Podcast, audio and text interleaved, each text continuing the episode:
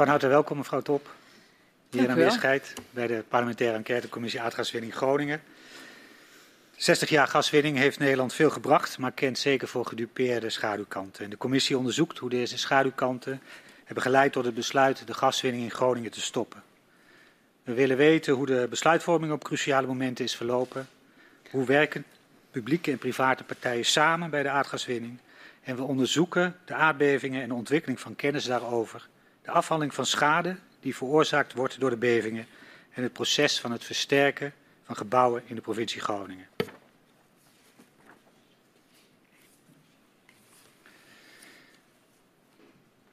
U bent als secretaris van het Groninger Gasberaad jarenlang uh, vertegenwoordiger geweest van uh, veel burgers in Groningen. De belangen van hen proberen te behartigen. En in dat kader uh, komt u hier vandaag als getuige. Dit verhoor vindt plaats onder Ede. U heeft ervoor gekozen de belofte af te leggen. En dat u de gehele waarheid en niets dan de waarheid zult zeggen. Ik verzoek u daarom te gaan staan. En mij na te zeggen. Dat beloof ik. Dat beloof ik. Dan kunt u weer gaan zitten. En staat u nu onder Ede. Het verhoor met u zal worden afgenomen door uh, Stienke van der Graaf en uh, mijzelf. En uh, Judith Tielen zal mogelijk aan het eind ook nog een aantal vragen aan u stellen. Prima. Dan gaan we van start. Ja, goed. Ja, mevrouw Top, u was in 2014 en 2015 betrokken bij de dialoogtafel, waar de overheidsorganisaties, NAM en de maatschappelijke organisaties samen over de gevolgen van de gaswinning spraken. Klopt. En daarna bent u vanaf 2015 tot oktober 2021 secretaris geweest van het Groninger Gasberaad. Het Gasberaad treedt op als collectief van maatschappelijke organisaties. En om ervoor te zorgen dat de betrokkenheid van bewoners en organisaties maximaal is bij het opstellen en uitvoeren van alle plannen en activiteiten rondom schade, versterking en perspectief voor, voor Groningen. Mm -hmm. Dat is een lange tijd en u weet ja. ongelooflijk veel. Ja. Maar vandaag willen we het met u hebben over een paar zaken. Uh, de schadeafhandeling, de rol van schade-experts, de versterking, de invloed die het gasberaad heeft, de vele regelingen en instanties en maatwerk en de bewoners centraal. Maar voordat we daaraan toekomen, uh, we hebben vandaag uh, gesprekken gevoerd uh, met de heren De Muink en Nijhoff. Mensen die u ook kent. U heeft de verhoren ook gevolgd. En we hebben ook gehoord dat u ook nou ja, van grote betekenis soms bent geweest in de persoonlijke levens van mensen. dat hebben we vandaag ook gehoord tijdens de verhoren. In hoeverre zijn hun ervaringen nou representatief voor de mensen in Groningen?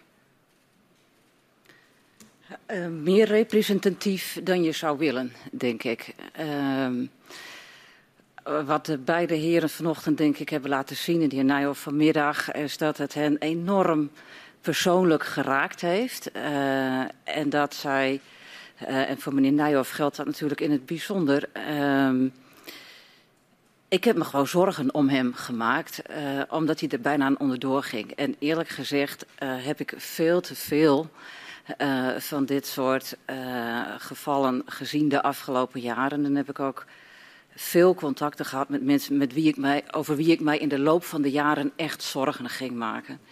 Uh, dat is heel heftig. En daar is meneer Nijhoff geen uitzondering in. En wat deed u als die gevallen bij u bekend waren? Uh, nou ja, ik ben geen maatschappelijk werker of iets dergelijks zelf. Maar je komt wel een beetje ook in de uh, rol terecht van in ieder geval uh, klankbord. Bellen, vertel het verhaal nog een keer. Ik begrijp het. en als het nou ja, ehm, echt ernstig was, dan gingen we wel zorgen dat er iets van hulp of ondersteuning omheen kwam. Uh, maar ik moet u wel zeggen, uh, het slaat natuurlijk ook gewoon bijna over. Kijk, wat, wat, wat je ziet bij deze mensen is dat... Ik denk dat het een van de meest vervelende emoties onmacht is. De pure machteloosheid, het gewoon niet meer weten. Maar datzelfde gevoel kreeg ik natuurlijk ook. Ik heb heel veel van deze mensen leren kennen jaren geleden als hele stabiele, nuchtere redelijke mensen. en in de loop van de jaren zag ik ze gewoon ja, verbitterd raken, boos worden, verdrietig, geëmotioneerd. en het werden gewoon andere mensen die zeiden soms ook: ik word gewoon een minder leuk mens. Uh, en dat vond ik heel ingewikkeld, want uh, ja, je staat erbij, je ziet het gebeuren. En ik probeerde natuurlijk uh, ja, uit, om, om, daar iets aan te doen. En je kunt uiteindelijk in zo'n individuele situatie, kon ik ook zo verschrikkelijk weinig doen. Ja, dus die frustratie die zij opliepen, die liep ik natuurlijk op een gegeven moment ook op. Dat is een heel naar, uh, machteloos, onmachtig gevoel. Je staat erbij en je kijkt ernaar en uh, er is zo verschrikkelijk weinig wat je op dat moment daadwerkelijk kunt doen. Behalve uh, luisteren, geduld hebben, oppeppen, moed inpraten. maar meer dan dat was het vaak niet. En dat is pittig. Ik moet wel zeggen, uh, de rechtbank die tegen meneer Nijhoff uh, op een gegeven moment inderdaad zei, uh, vlak voor het zittingsvoorstel, of voor het schikkingsvoorstel. Meneer Nijhoff, ehm, wilt u gerechtigheid of wilt u gelukkig worden? Uh, ik vond dat een hele ehm, heftige vraag eigenlijk. En ik, maar het was ook wel een beetje de kern. Ik heb zoveel mensen zien worstelen eigenlijk met die vraag, precies die vraag. Uh, wat is het ons nog waard om door te vechten? In de overtuiging dat je gelijk hebt, in de overtuiging eh, dat je er recht op hebt, in de overtuiging dat je iets misdaan wordt. Uh, maar daarvoor is een zodanig gevecht nodig, die ook zo lang duurt en zoveel kost, dat ik ook heel veel mensen die afweging heb zien maken van wat is het ons nog waard? Ten koste van wat gaan we ons recht nog halen? En ik kan u verzekeren, er zijn heel veel mensen die op een gegeven moment de afweging maken, het is het ons niet meer waard. Uh, en die nemen hun verlies. En die laten het erbij zitten en die stoppen ermee met de procedure. Of die gaan zelf geld investeren of die houden ermee op. En dat is uh, heel pijnlijk. En ik denk dat die rechter uh, dat wel scherp gezien heeft. Maar zo zou het niet moeten zijn. Het een kan niet zonder het ander. Een Groninger is niet gelukkig zonder gerechtigheid. Dat is wat er aan de hand is. Ik denk dat we hier straks uh, nog veel verder over door zullen spreken. Ja. Uh, laten we beginnen bij het uh, Groninger Gasberaad. Kunt u ons vertellen hoe dat is ontstaan en hoe u daarbij betrokken bent geraakt? Ja, dat is vrij simpel eigenlijk. Dat kwam vanuit de dialoogtafel. U refereerde daar al even aan. Uh, uh, dat begon in 2014, begin 2014.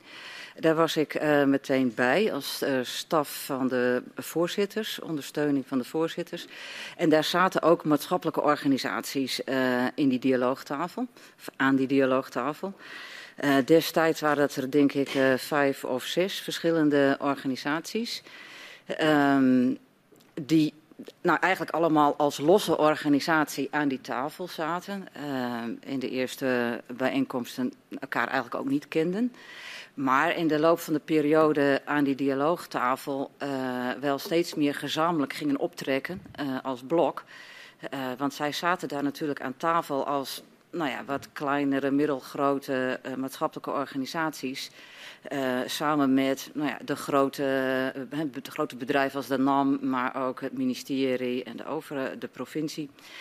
Uh, dus zij hadden gewoon nou ja, uh, ook elkaar heel erg nodig om gezamenlijk voor te kunnen bereiden en gezamenlijk ook een beetje, ook op niveau, aan die tafel te kunnen zitten. dus toen die dialoogtafel ophield, toen besloten die maatschappelijke organisaties om wel ook gezamenlijk dat gesprek te blijven voeren. En dat is eigenlijk het begin geworden van het uh, Groninger Gasberaad. En later is dat dus ook nog uh, uitgebreid. Dus er zitten intussen uh, een heleboel meer organisaties bij dan destijds bij de dialoogtafel. En wat was het, het grote doel van het gasberaad, als u dat zou omschrijven? Wat was jullie missie? het grote doel van het gasberaad. Nou ja, um, in feite natuurlijk uh, het behartigen van de belangen en uh, voor de inwoners en ook heel sterk voor de regio.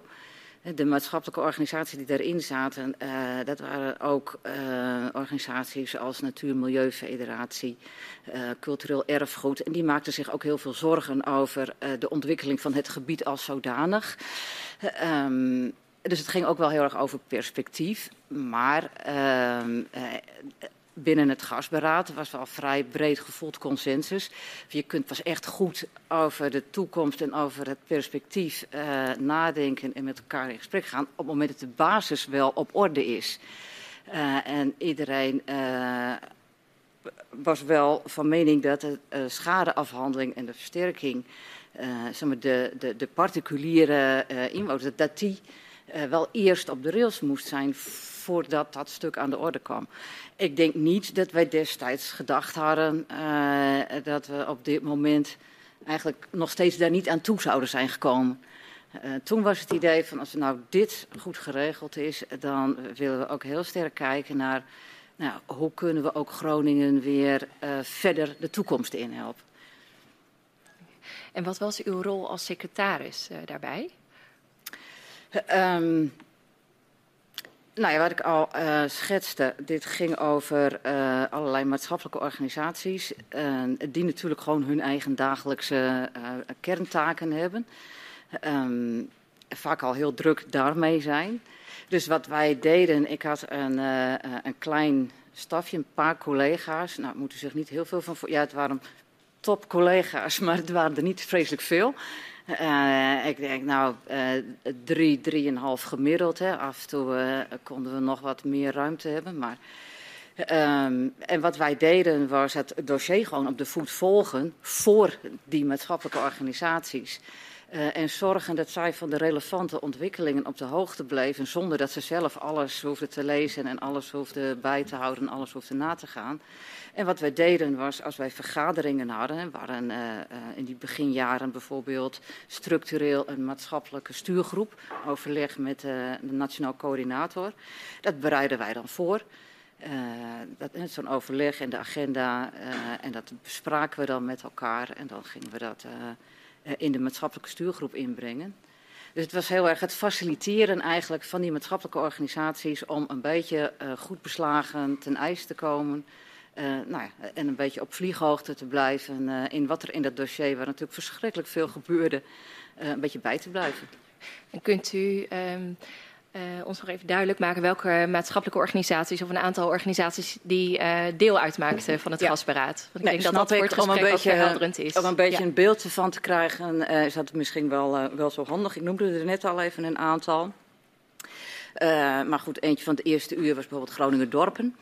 Een stichting die de contacten heeft met allerlei dorpsbelangen. Dus nou, u kunt zich voorstellen dat die daar veel belang bij heeft. Dat was een, echt een belangrijke partner. Um, maar we hebben uh, de ondernemers daarin zitten, uh, MKB, uh, VNO-vertegenwoordiging, de boeren zitten erbij, LTO. ik noemde al even cultureel erfgoed. En eigenlijk hebben we een hoop, het was een beetje sectoraal opgebouwd. dus dat betekende ook dat er zat één organisatie vanuit die sector aan tafel. Maar vaak hadden ze ook nog wel weer hun eigen achterban binnen die sector, om het maar zo te zeggen. Uh, nou, later is daar ook het platform Kerk en Aardbeving bij aangesloten. Um, nou, ik vergeet natuurlijk nu uh, partijen. Dat is, uh, We krijgen een goede dat, indruk. Dat gaat het is echt heel erg brede... genomen. Maar het gaat er even om dat, dat uh, het was een heel breed samengestelde ja. groep. De vakbonden ja. zaten erbij. en dat was natuurlijk wel heel mooi, want het waren allemaal organisaties die ook in het gebied zelf aan het werk waren. Met de voeten in de klei. Uh, hun werknemers die daar aan het werk waren. Dus zij kregen ook uh, vanuit heel veel verschillende hoeken heel veel mee van wat daar uh, gebeurde in de dagelijkse praktijk. daar was, zat ook ontzettend veel informatie en zij konden dingen ook al heel snel zien aankomen van nou, dit gaat mis. dus ik denk dat het een club was, en nog steeds is, ja, met uh, hele grote waarde. Ik heb wel eens gezegd, het is goud waard dat je zo'n groep mensen die uh, inhoudelijk gedreven in de haarvaten van die samenleving zitten, uh, dat je die hier hebt ook om gebruik van te maken. En u zei het als in verschillende organisaties, verschillende achterbannen of verschillende sectoren ook waar ze in werkzaam zijn. Mhm. was het gemakkelijk om tot een gezamenlijk standpunt te komen? Uh, eerlijk gezegd ja. Uh, en dat uh, was, is misschien best verrassend, want het, is niet, het zijn geen natuurlijke partners, uh, om maar zo te zeggen, altijd. Ehm, maar dat als het ging over de gaswinning in Groningen, en met name ook over de schadeafhandeling en over de versterking en over alles wat daarbij kwam kijken en al die enorme regelingen, ehm, dan was er een grote eensgezindheid binnen die groep, altijd. Uh, nou, dat had denk ik ook wel heel erg te maken met dat deze mensen uh, ja, heel, van heel dichtbij uh, allemaal zagen wat er gebeurde. Uh, en wat voor impact dat had uh, op de inwoners, maar ook op het gebied. en dat leverde eigenlijk wel een behoorlijk grote eensgezindheid altijd op. Ik kan me niet heugen dat we daar echt enorme interne discussies over dat soort zaken hebben moeten voeren. Nee. Op een van de kwesties eh, waar u veel met elkaar over sprak was de schadeafhandeling. En ik zou graag daar nog even met u op willen uh, inzoomen. Mm -hmm. um, wanneer u in 2014 uh, betrokken raakt bij de dialoogtafel, is er ook al discussie over de, de schadeafhandeling door de NAM. Kunt u ons meenemen in hoe er toen werd gesproken over die schadeafhandeling, ook door bewoners, door gedupeerden? Nou, dat was een regelrechte ramp. Uh, het, ja, de schadeafhandeling stond echt in brand toen al. Uh, daar was uh, heel veel onvrede over. Uh, dat lag ook heel erg in de slager keurt zijn eigen vlees gedachte. Dat stond iedereen verschrikkelijk tegen. Um, maar dat kwam natuurlijk ook door uh, de rapporten die er uh, verschenen op dat moment uh, van de door de NAM ingehuurde experts. Um, nee, daar zat heel veel frustratie en heel veel onvrede. En dat was eigenlijk wel een van de, van de thema's die nou, echt hoog op de agenda van de dialoogtafel vanaf dag één stond. Ja. En kunt u zich nog een goede voorbeelden herinneren om dat te illustreren? Waarom dat zo. Uh... Die frustratie zo hoog was? Um, nou, ja, ik kan uh, de wereldvoorbeelden wel. Um, maar ik denk dat uh, het ergste was dat daar er kwamen mensen aan de deur bij die gedupeerden. Met een houding van nou, mevrouwtje, u had schade gemeld. We zullen wel eens even kijken of dat ook daadwerkelijk aan de orde is. Um, en dat geeft uh, zoveel uh, kwaad bloed. En we hoorden net ook al even meneer Nijhoff daarover. Um, en, en, dan kregen zij vervolgens rapporten thuis waarin stond... ja, u beweert het wel, maar het is gewoon achterstallig onderhoud. Uh, of er is gewoon een keer een boom gekapt of een sloot gedempt. Nou ja, noem het allemaal maar op. Um, en daar voelden mensen zich zo uh, niet serieus genomen. Uh, en die vertelde dat ook. Nou, wij worden hier gewoon voor leugenaars uitgemaakt. Als ik schade meld, bevingsschade meld, mijnbouwschade meld, dan is dat omdat ik weet dat dat ontstaan is nadat die bevingen begonnen zijn. Uh, en niet omdat ik tien jaar geleden, ik noem maar even wat. Hè. Uh, de, dus het, uh, nou, de, de, houding was echt ook een, uh, veel gehoorde frustratie in het gebied. En die rapporten, nou ja, die waren soms bijna hilarisch. Um, nou, daar moest je dan een contra-expert voor inhuren. nou ja, dat, die moesten dan ook weer eindeloos aan het werk. Dus het was, ja, het was heftig. En u vertelde al even over de dialoogtafel. En die, die was eigenlijk voortgekomen eigenlijk uit een advies, volgens mij ook van de commissie, commissie Meijer. ja, zeker. Waarin uh, er ook een dialoog was tussen de NAM, de overheden uh, en uh, ook maatschappelijke organisaties. Ja. ja. En werd daar ook in dat kader ook al gesproken over de wijze waarop de NAM de schade afwikkelde? Ja, zeker werd daarover gesproken. En daar is heel veel over gesproken. Uh, de dialoogtafel uh, vrij snel gaan werken met twee stuurgroepen. Uh, en een daarvan was de stuurgroep Drieslag, noemden wij dat. dat was schade versterken en verduurzamen. Uh, omdat toen al de overtuiging was van het grootste deel van de mensen daar aan tafel. Uh, dat dat eigenlijk één operatie zou moeten zijn. Hè, dus dat je dat in één keer zou moeten doen.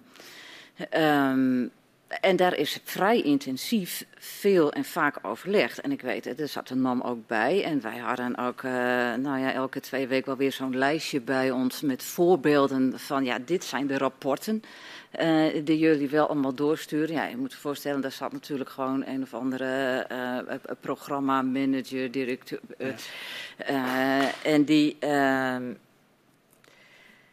ja, die stond natuurlijk wel voor zijn experts, maar die stond ook af en toe wel met zijn mond vol tanden als die dan bij ons in de vergadering weer geconfronteerd werd van vind je dit normaal en vind je dat normaal? Uh, nou, dat werd toch wel een beetje afgedaan als uh, incidenten. Uh, maar ze stonden er wel voor open om dat gesprek aan te en gaven ze de NAM in dit geval dan ook inzicht in volgens welk schadeprotocol er op dat moment Nou ja, er was een schadeprotocol op enig moment. Ja. Ehm, met een, mooi kaartje erin, met de contouren daar ook, een blauwe en een rode lijn. Um, ja, en dat was wel, uh, en de procedure was daar dan wel in beschreven van uh, hoe je dat dan kon melden en wat er dan volgens ging gebeuren en uh, dat soort dingen. Um, en wij hebben aan de dialoogtafel met elkaar besloten van, nou, we willen het eigenlijk wel evalueren. Ja. want het, nou, er is veel onvrede over het werk, niet echt lekker. Uh, dus dat hebben we ook. We hebben daar een bureau nog voor ingehuurd. Uh, en we hebben uh, ook, en dat hebben we eigenlijk zelf gedaan, een soort programma van eisen gemaakt. Van hoe zou voor ons nou een schadeafhandelingsproces idealiter eruit zien. Ja, ja. en dat hebben we vrij ver uitgewerkt. en nam de NAM dat over? Uh, nou ja, kijk, tegelijkertijd speelde natuurlijk toen die discussie al. Uh, want NAM vond het ook uh, allemaal wel heel vervelend en het was allemaal heel gedoe. En zij waren natuurlijk ook, ja, het is een olieboer, dus zij waren op zich ook niet van dit soort particuliere schadeafhandeling. En zij stonden er ook wel voor open om dat uit te gaan besteden. Dus een, een, uitvoeringsorganisatie, onafhankelijk, um, daar waren al gesprekken over. En daar vond de NAM ook, die, die stonden daar wel willend tegenover. Ik denk dat het ook gewoon over de schoenen liep. Hè. Ze hadden intussen mensen van pensioen teruggehaald om de telefoon te bemannen. Want het werd al op dat moment echt, en het groeide enorm, de aantal schademeldingen. Um, en dit leidde tot.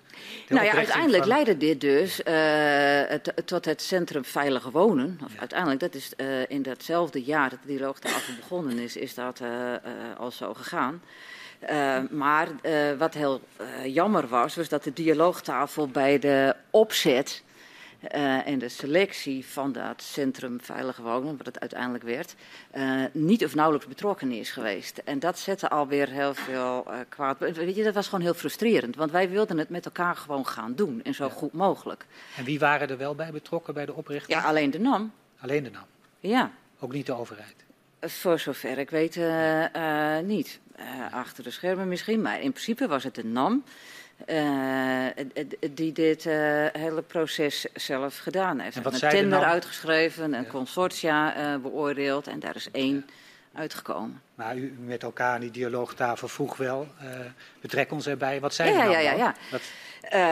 Nee, dat, we hebben enorm aan de deur staan rammelen, want wij wilden dat. Bedoel, het, het, beeld van ook de maatschappelijke organisaties, van de voorzitters, was natuurlijk ook van we gaan nu met elkaar aan deze tafel gezamenlijk de beste oplossingen zoeken. Mm -hmm. En dit was natuurlijk een heel belangrijk onderdeel daarbinnen. Ehm, dus ik weet nog dat ik in het begin van die discussie zelfs ook wel eens in Assen bij de NAM ben geweest. Uh, en dan had ik gesprekken met medewerkers van de NAM over hoe zou zo'n constructie er dan uit kunnen zien. Uh, een, een, onafhankelijke uitvoeringsorganisatie schade. Ja. Dus wat, wat, voor ding moet je daar dan stichting voor? Of moet je daar een PPS-constructie voor bedenken? En wat zijn dan de voor's en tegens? En hoe regel je dan de governance? Nou, daar hebben we een heel oriënterend gesprek over gehad. Allemaal op flip-overs. Dat zouden zij uitwerken en dat zouden we dan een week later verder bespreken. Ehm, maar die uitwerking heb ik nooit gekregen. Nee. en een week later, toen ik daar was en zei, joh, ehm, toen was het verhaal, nou ja, de afdeling legal heeft ernaar gekeken en we mogen het nu niet delen. Nou, toen heb ik mijn tas ingepakt en ben ik weggegaan. Ja. Uh, en het is daarna niet anders geworden. Uh, wij kregen bij de dialoogtafel. Kijk, zij zeiden nooit: we willen het niet. Maar zeiden dat nou, is moeilijk, uh, bedrijfsgeheim, vertrouwelijk. nee, maar we willen heus wel de jury. Dus we kregen dan geanonimiseerde scoringstabelletje. Ja, kon je ja. allemaal niks mee. Ja. En zeg maar, het Centrum Veilig Wonen, dat is na een aanbesteding door de NAM, door een private partij eigenlijk uh, vormgegeven. Ja, uh, volledig. Ja, um, en u heeft al verteld, ja, wij hadden graag meegepraat om het anders te doen. We hebben heel graag aan tafel gezeten. En hoe zij vervolgens te werk gingen, um, hoe kijkt u daarop terug?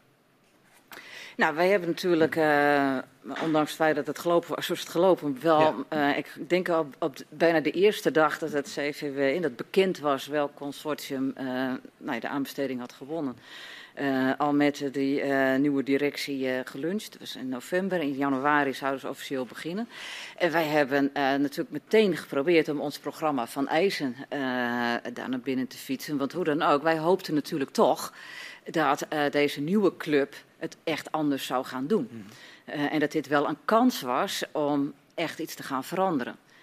Uh, nou ja, dat uh, is natuurlijk anders gelopen. Het, het, leek aanvankelijk nog wel positief. Ik moet wel zeggen, toen zij open gingen en de eerste twee maanden mailtjes met gewoon shell.nl de deur uit moesten doen. nou, en dat, dat verlies je al een hoop credits. Ehm, maar ook daarna um, bleek natuurlijk gewoon dat zij heel dicht aan zaten tegen de NAM en ook heel erg vast zaten aan uh, de afspraken met de NAM. Interface manuals die wij niet kenden. Ja. Uh, waardoor er eigenlijk heel weinig ruimte was om uh, met ons een open gesprek aan te gaan over. Nou, weet je, misschien moet het wel meer die kant op. Mm -hmm. Als je daar in alle redelijkheid al toe kwam, dan was het verhaal: dat kunnen we niet. Die ruimte hebben we niet, mogen we niet. Ja. En uh, zag u nou enig verschil tussen de NAM en de uitvoeringsorganisatie die de NAM later opgezet in de vorm van het Centrum Veilig Wonen, als het ging in hoe men rekening hield met de belasting die het ook voor gedupeerden betekent om in zo'n ja, schadeproces uh, ja, uh, mee te moeten bewegen? Nou ja, um, kijk, dit was natuurlijk een professionelere club zullen we maar zeggen, die er hier speciaal voor uh, was ingericht. En ze begonnen uh, uh, optimistisch, positief, ook meteen met klanttevredenheidsonderzoeken en weet ik het wat. Ehm, maar de glans ging er denk ik al binnen een half jaar, drie kwart jaar van af. Want ook zij moesten gewoon werken met dezelfde schade-experts die al in het veld bezig waren. Ja, weet je, je kan het allemaal aan de buitenkant al nog zo leuk optuigen. Maar du moment dat al die rapporten weer terugkomen bij die mensen, waarin weer uh, al die. Uh, rare afwijzingen staan. Uh, uh, scheur aan de binnenkant van de muur wel erkend, dezelfde scheur aan de buitenkant niet erkend. Nou ja, noem het maar op. het was de wasmachine die te hard gedraaid heeft, heeft te hard geslagen met de squashballen. Nou, de, meest idiote rapporten kwamen weer hmm. terug. Ja, daar kan je als CVW, dat hou je natuurlijk ook niet droog. Dus in no time lag die club ook enorm onder vuur en werd het ook gewoon heel ja. moeizaam, ja. moeras. Ik kom mijn collega zo nog op door, maar uh, u zei dat de afdeling legal eigenlijk had aangegeven. Ja, de constructies die we bedacht hadden in de dialoogtafel konden eigenlijk allemaal niet. Uh, de afdeling legal van de NAM. Uh, speelde die later ook nog een, een rol naar uw waarneming in het opereren van het Centrum Veilig Wonen? Um, nou, ik heb, ik heb het vermoeden van wel. Uh, maar dat was voor ons niet per se zichtbaar. Ik refereerde er net al even aan. Het, wat wij wisten was dat er wel contracten uh, tussen CVW en NAM onderlaag. Uh, de interface manuals, dat is een prachtig begrip. Ja. maar wij hebben nooit gezien, en daar hebben we natuurlijk wel vaak naar gevraagd, van wat dat dan precies waren. dus, dus hoe die exact die verhouding was, weet ik niet. maar dat zij een directe relatie hadden en dat de NAM ook wel stevig uh, wij noemden het eigenlijk altijd in één adem door, NAM-CVW. Dat was voor ons één en hetzelfde. Uh, het, het, waren andere gezichten, uh, maar nou, het was 40 kilometer verderop, hè, Assen, Appingedam. Maar daarmee had je het ook wel gehad, ja. U zei het al, veel schades werden niet uh, toegekend. Er werd naar allerlei andere oorzaken uh, verwezen. Kortom, er was heel veel onvrede over hoe de schadeafhandeling uh, verliep. En dan wordt de schadeafhandeling door het CVW, het Centrum Veilig Wonen, op 31 maart 2017 stopgezet. Ja. Waarom gebeurde dat? En wat vond u daarvan? Um, nou ja, het, ik denk dat het echt gewoon enorm aan het vastlopen was. Uh, opnieuw, hè? dus dezelfde situatie die uh, nou ja, anderhalf, twee jaar ervoor met de NAM aan de, aan de hand was. Uh, de, aantallen liepen alleen maar op.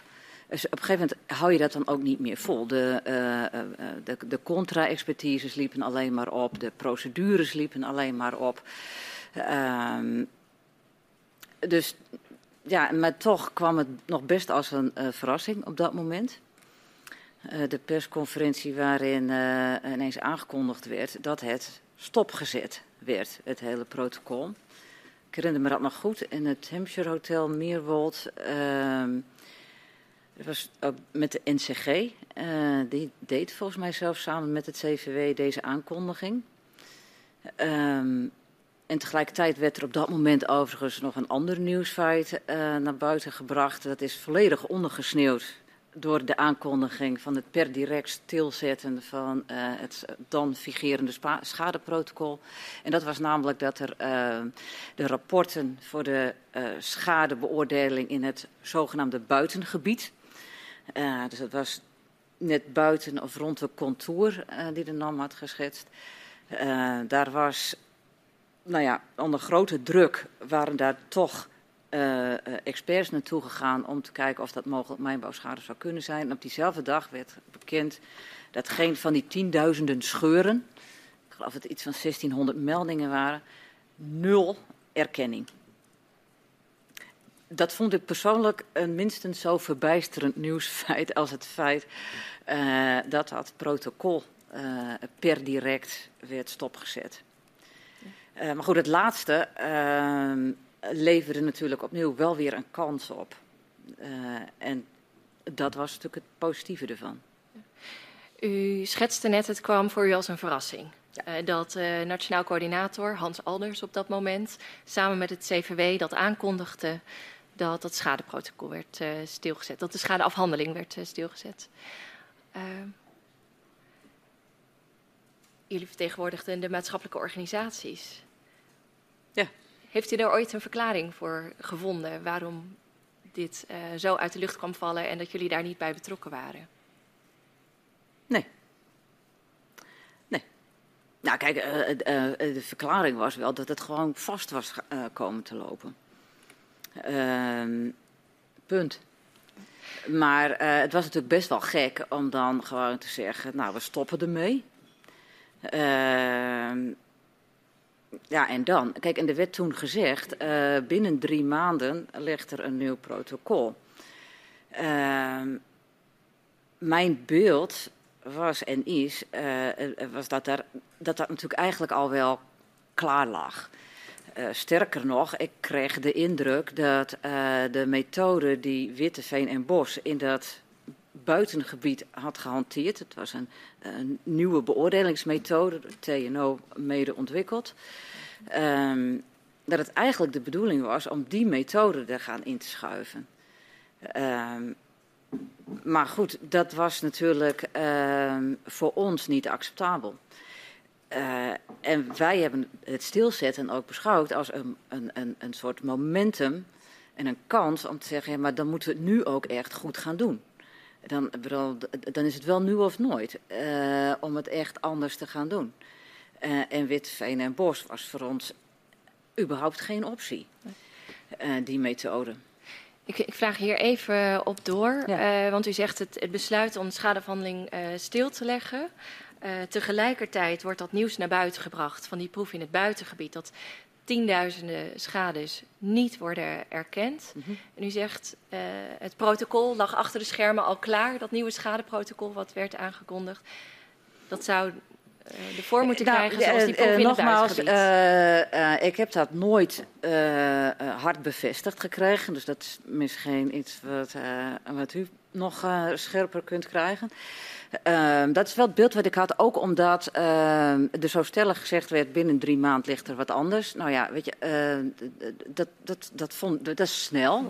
Op het moment dat je zegt: we gaan echt goed dus doorakkeren, we gaan de dingen anders doen, heb je al gauw meer tijd nodig. Ehm, maar ook. Ehm, ik weet nog dat in juni, uh, toen was de minister-president voor het eerst in Groningen in 2017. Die nam toen de petitie van Freek de Jonge in ontvangst.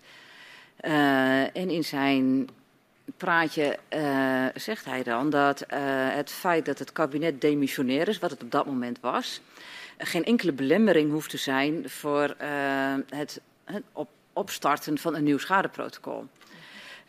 dat bleek het uiteindelijk wel degelijk te zijn. En ik denk dat dat ermee te maken had dat het beeld nog was uh, van nou ja, een paar formaliteiten en dan hebben we dat protocol gewoon weer ingevoerd.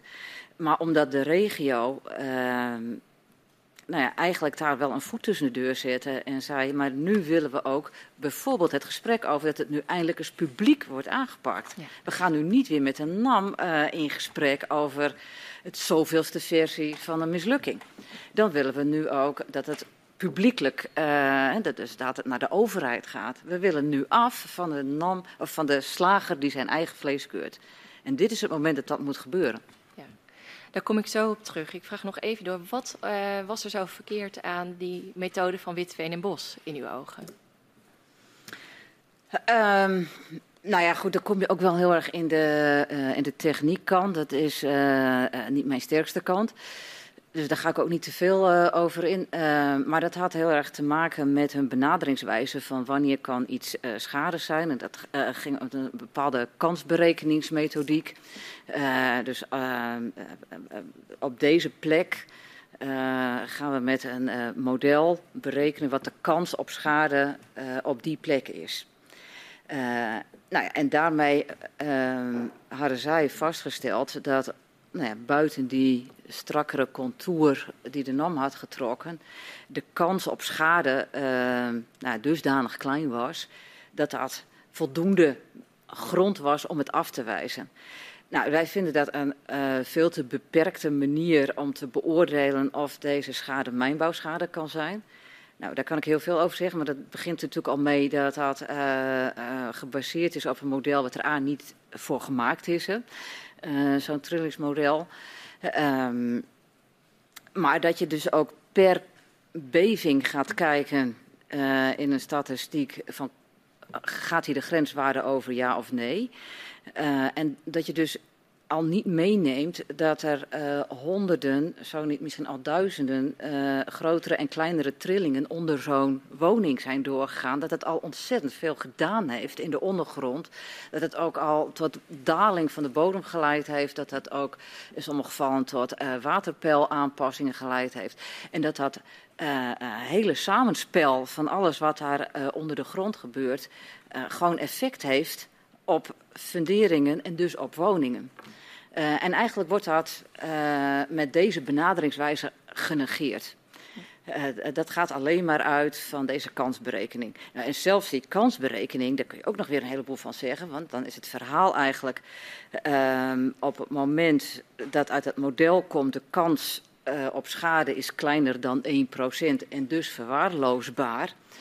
Uh, dan ben je uh, met een soort voorspellende kansberekening bezig. Ik vond, uh, kom ik ook weer terug op een uitspraak van een rechter tijdens een, een van de rechtszaken. wel een hele mooie, die zei, kijk, ehm, de kans dat de boom in mijn tuin door blikseminslag ehm, wegbrandt is op voorhand heel erg klein. Uh, totdat hij zwart geblakerd in mijn tuin staat nadat er net een onweersbui met bliksem is overheen gegaan. Dan is die kans een stuk groter. En dat is natuurlijk ook net hoe je die statistiek benadert. En als je zegt het is 1% kans, maar het is in een gebied waar duizenden of tienduizenden woningen staan, dan is nog steeds heel reëel dat daar woningen met schade staan. Nou, dit type discussies, ehm, en overigens, die zijn er tot op de dag van vandaag. Uh, maar dat, die zijn daar eigenlijk begonnen. Ja. Als ik dan zeg dat uh, kansberekening en modellen, dat schiet gewoon tekort in het beoordelen van die schades. Heb ik het dan juist geformuleerd volgens u? Uh, ja, dat is wel onze overtuiging. Ehm, nou, ik probeer het net al uit te leggen. Kijk, wij, wij denken dat ehm, het uiteindelijk. Kijk, het is geen exacte wetenschap. Um, uiteindelijk moet je met het vaststellen van waar uh, is een bepaalde scheur door ontstaan, moet je gewoon werken met uh, uh, aannames, met vooronderstellingen, en met ervaring die je hebt. Maar je kunt dat nooit 100% nauwkeurig zeker weten. Dat bestaat gewoon niet. Het is niet hetzelfde als we doen een coronatest en nu heeft het wel of heeft het niet. En als je de volgende test doet, dan komt er hetzelfde uit. Uh, we hebben al die jaren ook gezien uh, dat de verschillen in de schaderapporten gewoon enorm zijn. Dat, dat zegt al heel erg veel in mijn overtuiging. ik weet zeker nog steeds dat wanneer er een beschadigde woning is en je daar tien uh, verschillende experts naartoe stuurt, dat je gewoon tien verschillende rapporten gaat krijgen. U zei het uh, net al, die schadeafhandeling ligt stil, er moet een nieuw protocol komen. En u uh, verwoordde dat net zo dat jullie het zagen als een kans om het nu ook anders te doen, ja. om het goed te doen. Het over te dragen aan de overheid. Uh, en dan bent u vervolgens als secretaris van het Gasberaad ook betrokken bij de besprekingen met de Nationaal Coördinator Groningen, met bestuurders uit de regio, uh, en het ministerie van Economische Zaken over een nieuw schadeprotocol. Welke uitgangspunten vond het gasberaad daarbij van belang voor het nieuwe schadeprotocol? Wat moest daarin zitten? Um, nou ja, kijk, wij wilden natuurlijk zoveel mogelijk af van die dramatische causaliteitsdiscussies, uh, zal ik ze maar even noemen, waar we het uh, net over hadden. Um, dus voor ons was het gewoon wel heel belangrijk. Het uh, bewijsvermoeden was intussen wettelijk vastgelegd. Uh, en tot op dat moment uh, uh, werd daar ook wel wat relativerend over gesproken. En dus was tegen mij gezegd: Ja, John, dat vind je nou heel belangrijk. Maar dat, en dat is pas aan de orde op het moment dat er een rechtszaak is. En dan kan de rechter dat er misschien eens bijpakken. Maar uh, ons beeld en beleving was van nee, het is ontzettend van belang, maar dan moet je hem gelijk aan de voorkant op die manier uh, gaan inzetten. Dus dat betekent in feite dat je uh, bij de eerste melding er eigenlijk al van uit moet gaan. Als de aard van de schade mijnbouwschade kan zijn.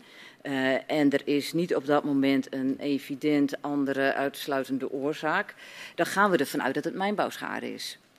Uh, voor ons was het heel belangrijk dat dat bewijsvermoeden op die manier in een nieuw protocol aan de voorkant uh, zou gaan landen.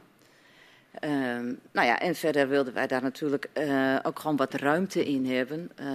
voor ons is ook altijd heel belangrijk geweest aandacht en ruimte voor bijvoorbeeld schadepreventie. en niet alleen het dichtsmeren, maar ook iets verder kijken.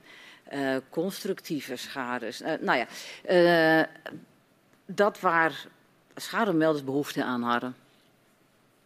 Ja. Waren die andere partijen het daarmee eens?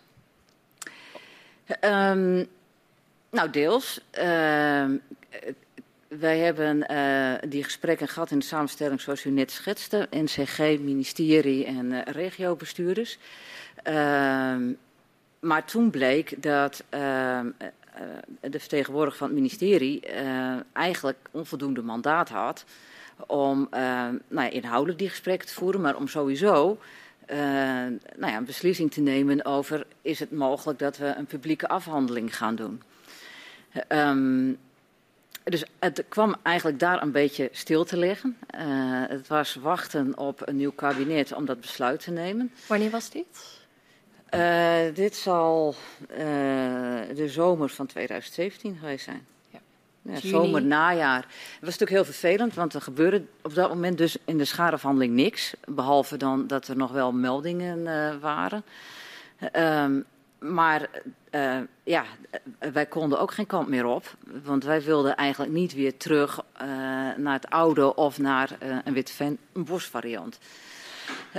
wat we toen gedaan hebben is met de regiobestuurders die, nou, die tijd nuttig besteed door alvast een soort programma van eisen op te stellen. En voor te bereiden dat du moment dat het groen licht kwam van dan gaan wij als dan gaan we een publieke uh, schadeafhandelingsprotocol uh, bouwen. Nou, dat we daar goed op voorbereid waren, dat we het huiswerk gedaan hadden, dat we daar al een heleboel hadden kunnen liggen. En dat hebben we gedaan. En met welke regiobestuurders kwam u daartoe? Uh, u wilt de namen weten van ja, deze? Uh, nou ja, het, het, was de provincie gedeputeerde Eikenaar. Uh, gemeenten, uh, ik meen uh, de heer Beukema was daarbij, de heer ehm, Hiemstra, waarnemen in Appingedam op dat moment. Ehm, en volgens mij was mevrouw Van Lente daar ook nog een deel bij. En wat stond er in dat programma van eisen? Wat hadden jullie bedacht? Nou ja, ik kan de exacte, de, de, die stukken heeft wel, maar dat waren vier grote, nou ja, weet je, uh, gedupeerde centraal, causaliteit, uh, nou, een paar van die dingen. Uh, het was allemaal niet heel hemelbestormend nieuw, maar het was wel systematisch, structureel opgeschreven. Ik ken de vier niet meer op deze manier in mijn hoofd. Nee. Oké, en um, hoe stelde de provincie zich op? uh, in dat overleg? Constructief.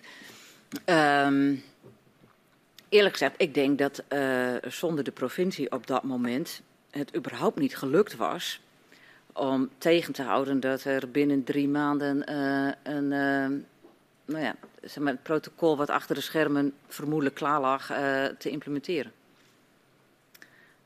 Omdat de Eikenaar daar ehm, ons uh, glashard in gesteund heeft, was dat niet mogelijk.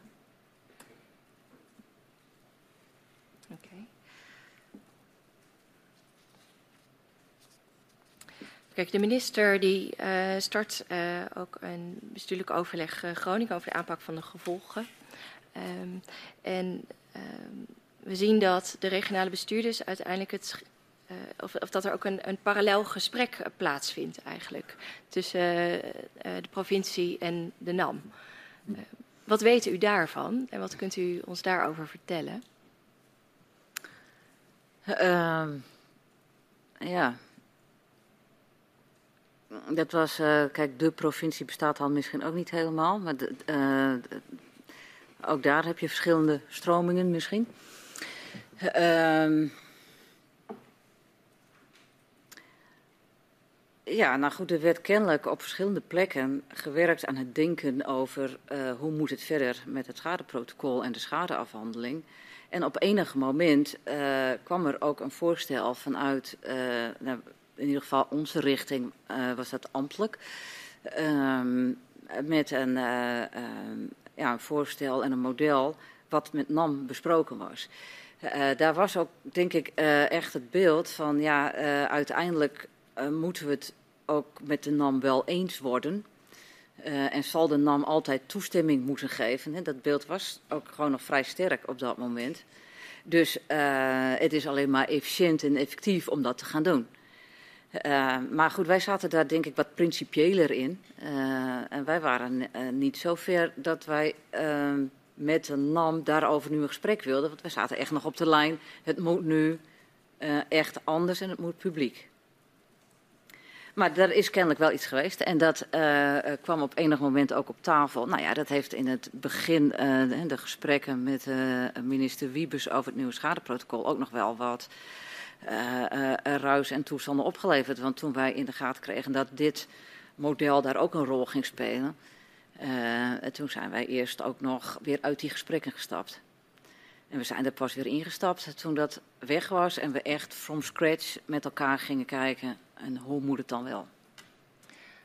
Um, begrijp ik u goed als u zegt uh, de provincie uh, zat uh, aan de ene tafel in het overleg met de maatschappelijke partijen, met de provincie en het ministerie te spreken.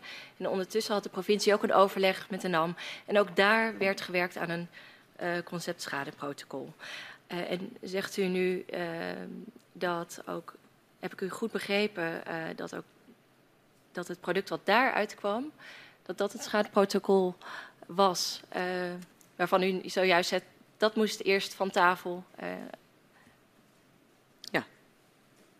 dat klopt. Ja. Want dat lag op tafel. Dat werd voorzichtig geïntroduceerd aan tafel, ja. ja. ja. En weet u wie daarbij betrokken waren? Nee. Ik, uh, wat ik zei, wij hebben daar uh, een keer als gastbraad een gesprek over gehad met een, dat was een ambtelijk gesprek, hoogambtelijk provincie. Ehm, ja, ik ga er niet van uit dat de heer Eikenaar erbij betrokken was. Uh, maar verder weet ik dat niet. Nee, daar was ik niet bij. En kende u het voorstel wat daaruit naar voren was gekomen? Uh, nou ja, uh, op hoofdlijnen. Ehm, eh, ik moet zeggen, wij her herkenden het, ehm, wat wij noemden de spiegeleieren. Dat was ook een soort contourenplaatje. Kunt u dat eh, toelichten, wat dat is? nou ja, dat is dan een, een, een lijntje om het kerngebied, seismisch kerngebied en een buitenlijn daaromheen. En dat had een beetje de vorm van een spiegelei. Ehm, maar goed, het begon er al mee dat er dus dan weer contouren in zaten. En dat was nou een van de dingen waar wij eigenlijk van af wilden. Dus het kan niet zo zijn dat je aan de ene kant van een lijntje zit en wel mijnbouwschade hebt en dat je 500 meter verderop toevallig aan de andere kant van het streepje zit. Dat dat niet zo kan zijn. Dus wij waren er heel erg voor van bekijk dat nou gewoon per geval op zijn merites. Zonder dat dat idioot hoeft te worden. Ik bedoel, we snappen ook allemaal als je daar in Nijmegen mee aankomt. Dat je, maar uh, uh, een lijntje trekken is altijd in dit geval uh, lastig, onbevredigend en doet geen recht. Dus wij wilden gewoon geen nieuwe contouren. En die zaten daar wel in. Ja. En dat was voor ons al een no-go. En voor de rest heb ik me er toen niet eens meer in verdiept. En die contouren die zaten ook in die eerdere aanpak waar we het zojuist over hadden. Die zaten daar. Bij die witte ween- en bosmethode. zeker in, ja. Ik zeg, dus ja. die zag u daar weer terugkeren? En, ja, ja. Hoe kreeg u er lucht van dat, daar, uh, dat dat voorstel er lag? Nou, als ik me goed herinner, uh, is in het najaar, wat ik net ook al schetste, wel iemand van de provincie langs geweest om bij het gasberaad te kijken van zou dit niet iets kunnen zijn? Is dit voor jullie niet bespreekbaar? Ehm, nou, dat, heeft, dat is een korte overleg geweest met het voltallig gasberaad en er is vrij snel van gezegd nee.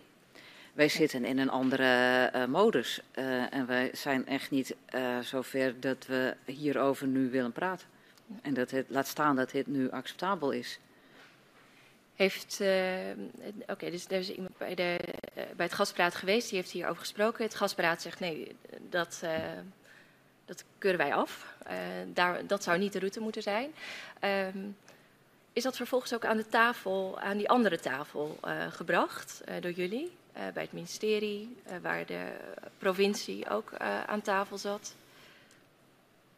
Um, of het door ons daar gebracht is? Nou, is, is het. Uh, ja, het, heeft, heeft, nou, het, het, klinkt alsof u. dus het helpt u mij, ik was er niet bij. Dus nee. het, het komt op mij over alsof dit in een vergadering met het gasberaad, waar al die organisaties bij aanwezig waren, besproken is. Mm -hmm. En toen is gezegd nee.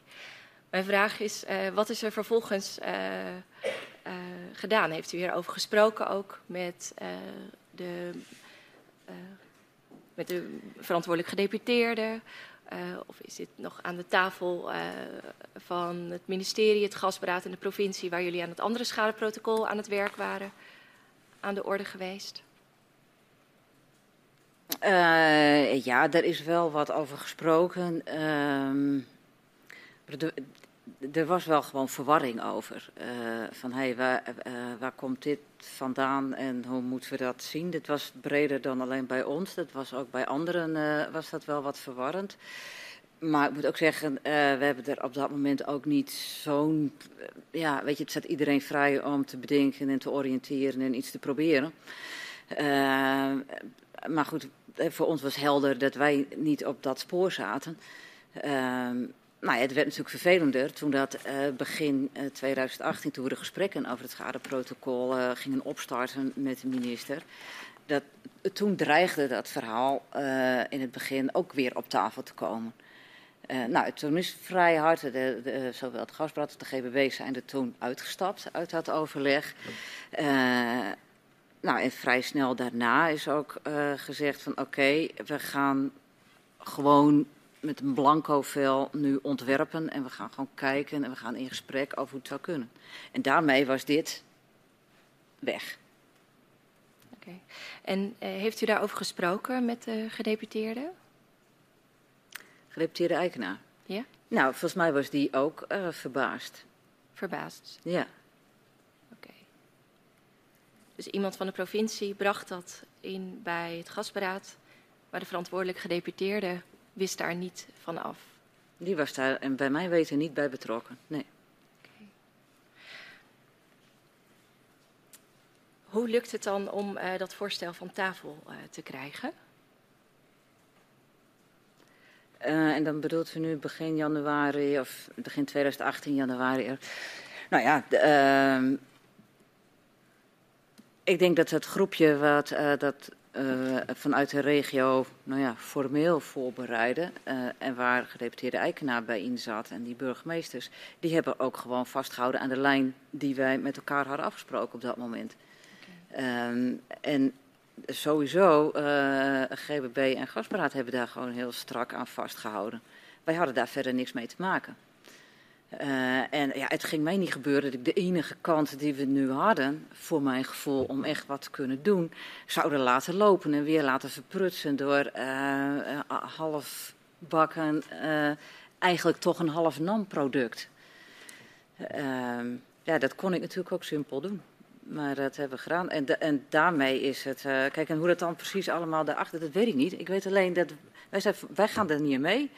Uh, en als dit het is, dan stoppen we nu met dat overleg. En dat we toen een week, twee weken later uh, te horen kregen: uh, oké, okay, we gaan open beginnen. Nou, prima. Okay. Dan zijn we er weer bij en dat hebben we ook gedaan. dan gaat het overleg verder over het schadeprotocol. wat vond u van hoe dat overleg verliep, dat formele overleg? Uh, nou, het was een heel intensief proces. Uh, echt pressure cooker. Uh, de minister was er zelf ook steeds bij. Nou, ik, inmiddels hebben we wekelijks overleg gehad. Ehm, Wat was de rol van de minister in die gesprekken? Minister rol, Wiebes hebben we het Minister over. Wiebes hebben we het over, ja, ja, ja. Ehm, nou ja, goed, hij, natuurlijk, hij was de minister en uh, dit ging naar een, uh, uh, een publieke, hij, publieke verantwoordelijkheid. dus hij had daar uiteraard vanuit die hoedanigheid gewoon een rol in. Maar hij was ook gewoon mede-ontwerper, gesprekspartner. Dus we hebben, en daar was ook een bureau bij en daar waren allerlei mensen bij. En daar hebben we... Um, nou, steeds stevig over allerlei inhoudelijke artikelen gediscussieerd met elkaar. Uh, en dat is steeds weer uitgewerkt. Nou ja, en uiteindelijk is er toen in een paar weken tijd uh, een protocol uitgerold. Ja. En uh, wat kreeg je voor een indruk van de minister? U zegt dat hij uh, ontwierp, hij dacht mee. Nou, ik vond in die fase uh, de minister wel echt inhoudelijk zeer betrokken. Uh, en hij had natuurlijk af en toe wel een andere opvatting of een ander belang. Uh, maar daar konden we inhoudelijk gewoon heel goed over discussiëren op basis van argumenten. En, uh, en dan was hij ook wel zo dat hij op sommige onderdelen zei van ja, ehm, ik ben overtuigd. laten we dan het zo proberen. Nou ja, en op andere onderdelen was het andersom. Maar dat was redelijk in balans. En ik heb niet het idee gehad dat dat nou per se heel erg op macht gespeeld is. Het ging echt over hoe kunnen we dit zo goed mogelijk doen op dat moment. Zo heb ik het in ieder geval ervaren. Ja.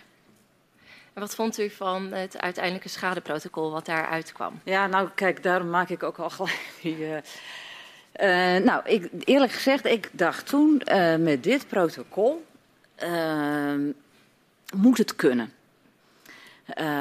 Dan is er nog steeds wel een deel wat afhangt van hoe je het uitvoert. Uh, en misschien ook wel uh, van je eigen interpretatie. Voor mij was het belangrijk dat het protocol in de basis, in de kern, uh, de ruimte zou geven om het te doen zoals wij hoopten, voor ogen hadden, verwachten dat het zou moeten. Dus ik heb op een gegeven moment vooral ook gekeken, zitten er geen obstakels of belemmeringen in om het op zo'n manier uit te voeren dat dat de gedupeerde Groningers uh, nou tegenwerkt. Uh, en ik dacht op dat moment, maar goed, ik bedoel, het is ook een once in a lifetime experience, maar ik dacht, volgens mij moet het hiermee kunnen. Dat blijft natuurlijk spannend. Ehm, en dat hing voor een heel groot deel op nou ja, de, formulering van dat bewijsvermoeden aan de voorkant. Het ging ook wel om ehm, nee, dat daar ruimhartig naar zou moeten worden gekeken. We hebben lang gesteggeld nog over de hardheidsclausule die er uiteindelijk is ingekomen. Um, dat is een van de laatste nou ja, uh, uh, bespreekpunten. Um, en de minister wilde eigenlijk niet dat de uh, gevallen die nou ja, er nog lagen bij het CVW in NAM in dit nieuwe protocol zouden vallen. Dat vonden wij heel moeilijk. Uh, want het ging dan juist om vaak gevallen die al lang liepen, uh, die al moeizaam waren. En eigenlijk gunde je juist die mensen heel erg dat er op een andere manier naar zou worden gekeken. Uh, maar hij hield daar echt aan vast van dat, dat, dat, kan niet, want nou, dat belasten we zo'n nieuwe organisatie. Nou, weet je, op zich een reëel argument.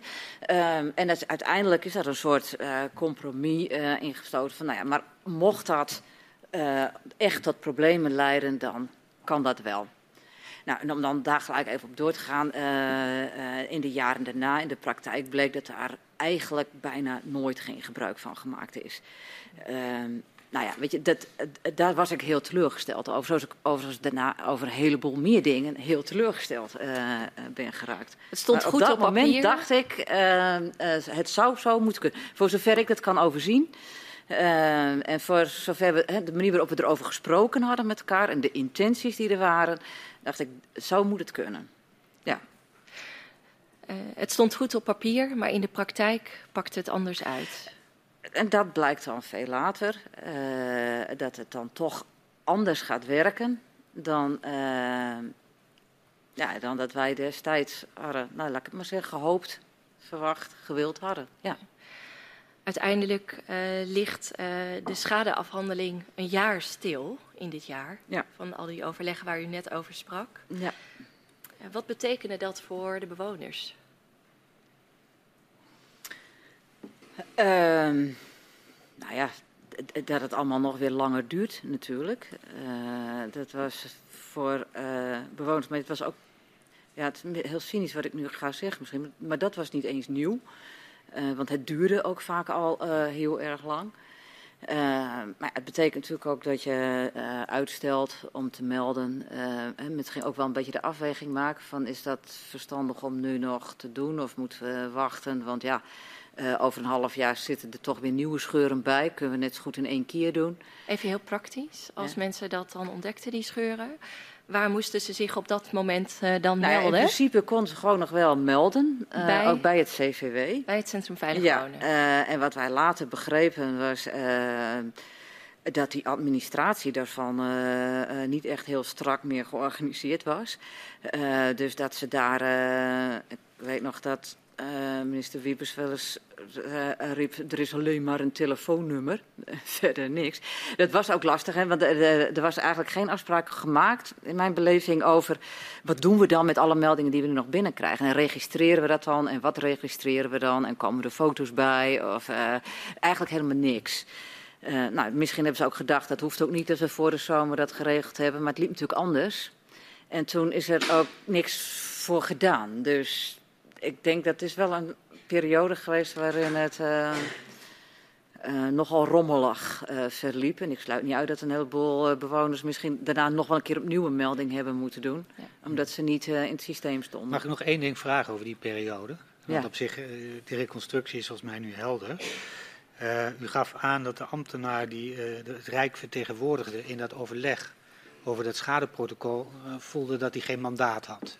ook vanwege uh, dimensionaire karakter inmiddels van uh, dat kabinet. Is er toen niet nog een poging ondernomen om rechtstreeks met de minister in gesprek te gaan, om hem aan te geven, ja het kabinet kan wel dimensionair zijn, maar er zit hier urgentie op.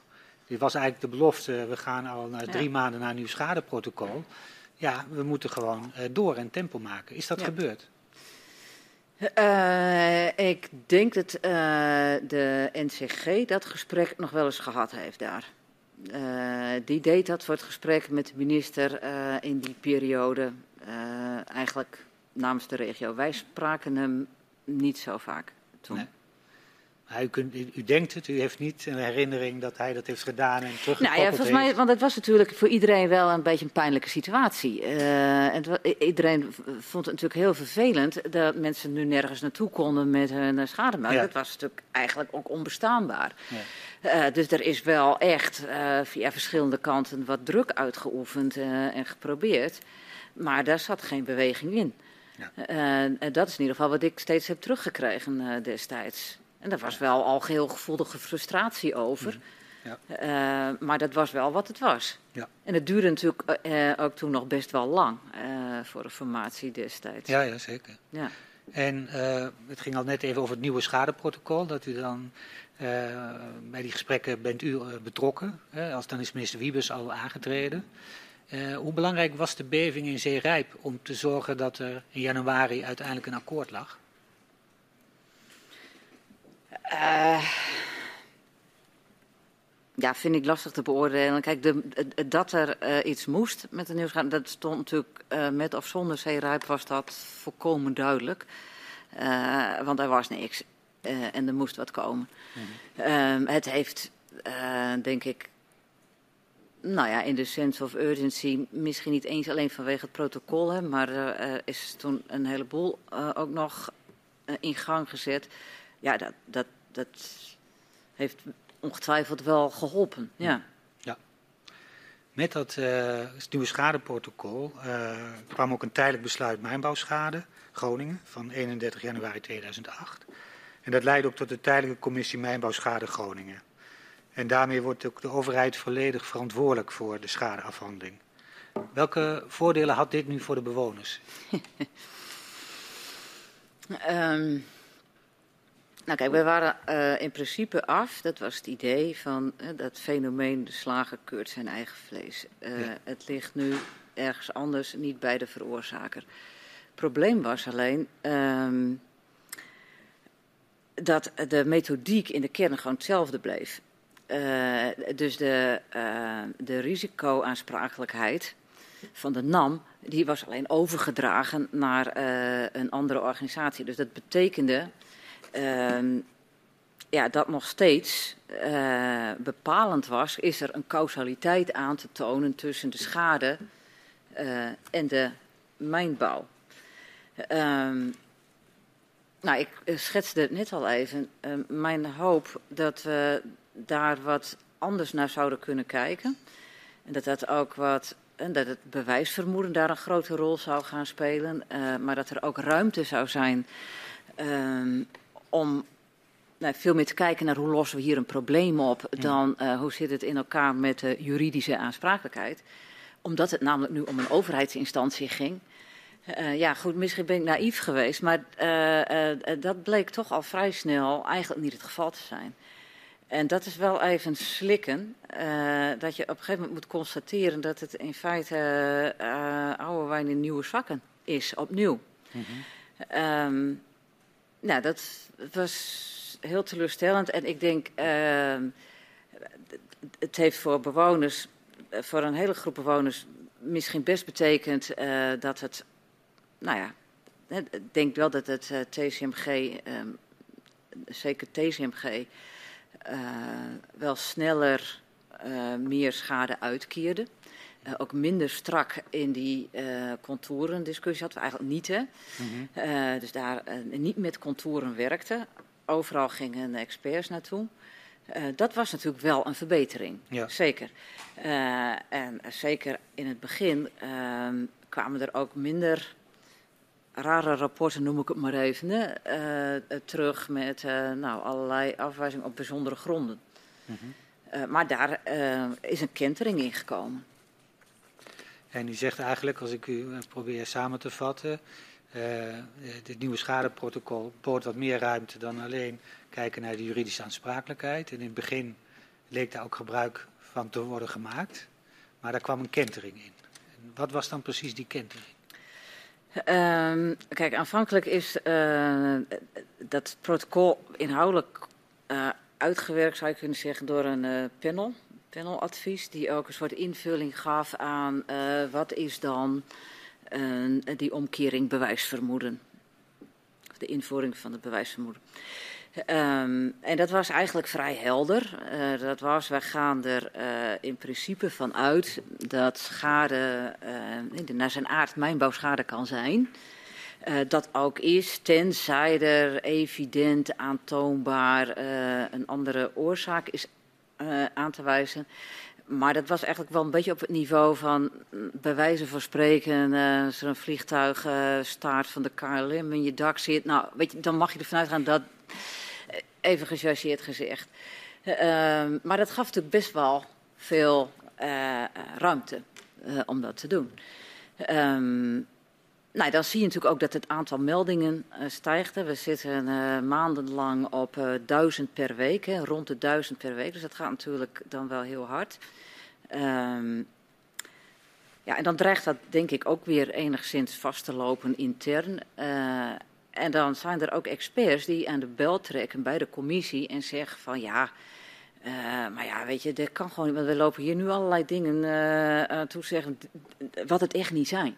Mm nou, dat is dan aanleiding voor die commissie, uh, mede met uh, de constatering, en dat zien we dan ook steeds vaak voorkomen, dat de verschillen in straten of in buurten nog steeds groot zijn.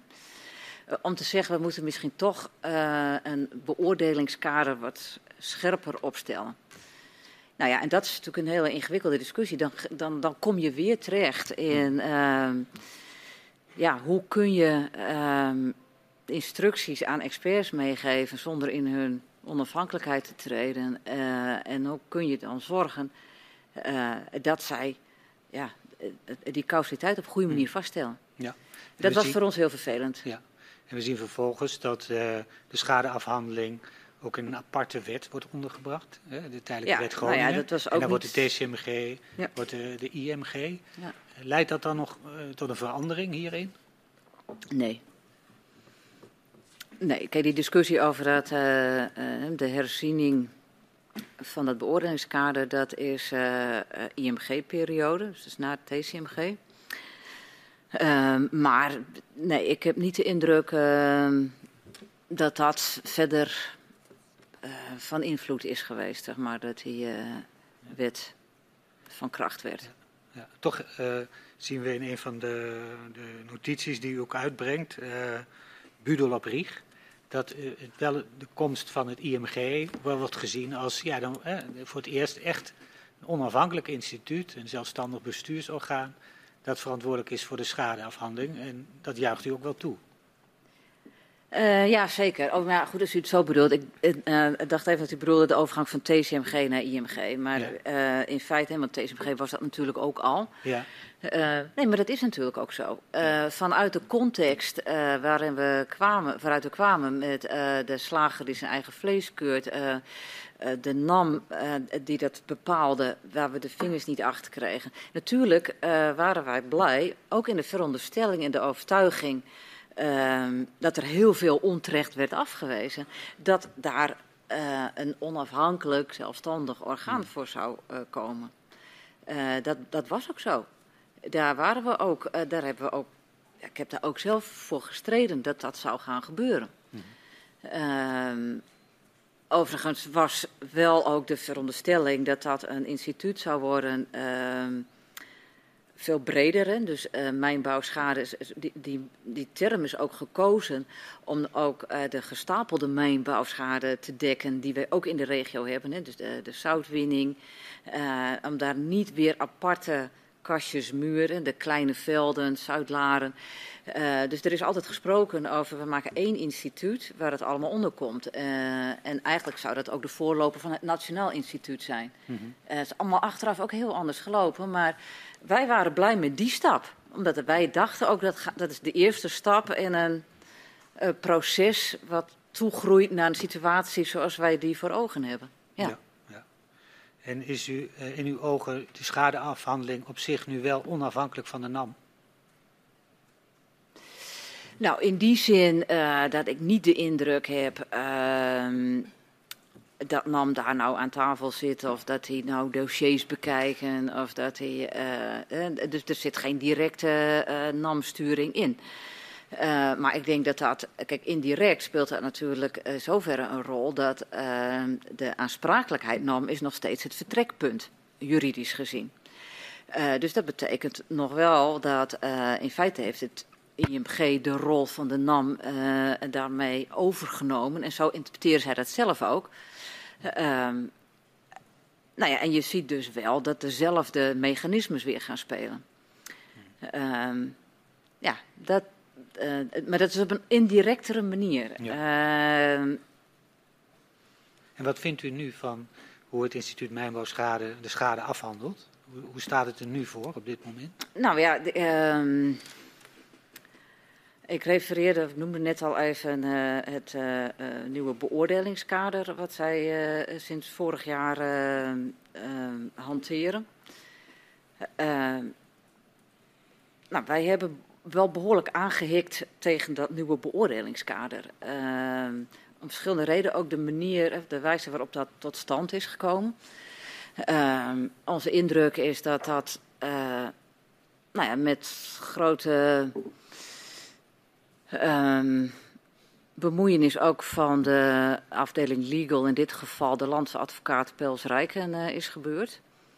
Um, kijk, weet je, ik heb gewoon uh, wat moeite met uh, de conclusie die zij trokken uit het feit dat er verschillende rapporten waren. Dan denk ik, nee, dan, voor mij betekent dat, dan moet je dus enorm relativeren de expertise voor het vaststellen van de oorzaak van schade. Ja. Maar wat daar nu gebeurt, is dat we moeten meer eensluidende rapporten hebben, want het is lastig uit te leggen. Zowel aan de buren, maar ook aan een rechtbank. Dus we gaan afspraken maken over hoe wij dat in die rapporten neerzetten. Dus dat komt een beetje op neer van als je dit aantreft, dan schrijf je dat op. Daarmee zorg je ervoor dat die rapporten meer op elkaar gaan lijken en dus dat de verschillen minder groot worden. Maar de vraag is natuurlijk, wat heeft dat nog met de daadwerkelijke situatie en de waarheid te maken? Uh, en wat heeft dat nog met expertise te maken? Uh, dat vind ik heel ingewikkeld. Dus wij hebben ons daar ook wel uh, wat tegen verzet. Ja. dat dat op deze manier nu zou gaan. Mm -hmm. Ja. Nou ja, er is ook een notitie in, een soort basisnotitie van geweest. Stalduin en Evert zit ook ongetwijfeld ergens bij een stuk over de zittingsschade. Ja, uh, ja wij, hebben, wij hadden er echt een heel ander, principieel ander beeld van. Een manier van kijken naar hoe je daarmee omgaat. Nu zien we dat, dat ook het IMBG op een gegeven moment ook wel overgaat tot minder zware beoordelingstrajecten. Bij kleinere schades. Ja, de, nou geen, gewoon. Ja. ja. En, nou ja, dat, dat, speelde in diezelfde die periode eigenlijk. Ja. Maar uh, uh, ook daarvan, kijk, ik, ik, uh, ik snap het wel. Er zit natuurlijk, het is natuurlijk ook gek dat je bij kleinere schades enorme kosten voor beoordeling maakt. Ehm, maar wat ik daar toch wel ingewikkeld aan vind, uh, we, we, hanteren geen contouren, maar het idee was wel van dit is vooral interessant voor de mensen aan de randen. Want daarvan gaan zij ervan uit, ook met hun nieuwe beoordelingskader, uh, dat dat kleine schades zijn. Nou, weet je, daar kan je dan in één keer 5000 ben je er klaar mee. Um, en dat, um, nou, dat doen we dan op basis van vertrouwen. Um, en dan spelen we capaciteit vrij voor de mensen. Ja, voor mij was dat de omgekeerde wereld eigenlijk. Hè. Dus dat betekende dat we uh, expertisecapaciteit gingen vrijspelen om in het centrumgebied in Loppersum experts naartoe te sturen om vuistdikke causaliteitsrapporten te maken. Terwijl we aan de randen uh, zeggen, nou, als u denkt dat, dan, is, dan maken we ongezien geld over. Ik dacht, dat, ik vind dat gek. In mijn beleving had dat andersom logischer geweest. Ik vind in het binnengebied, in Lopsum, ik vind eigenlijk dat je daar niet eens meer moet durven aankomen met een causaliteitsonderzoek. Dat is onzin. Wat je daar moet doen is experts naartoe sturen om gewoon eens grondig te kijken hoe kunnen we deze woning gewoon toekomstbestendig maken?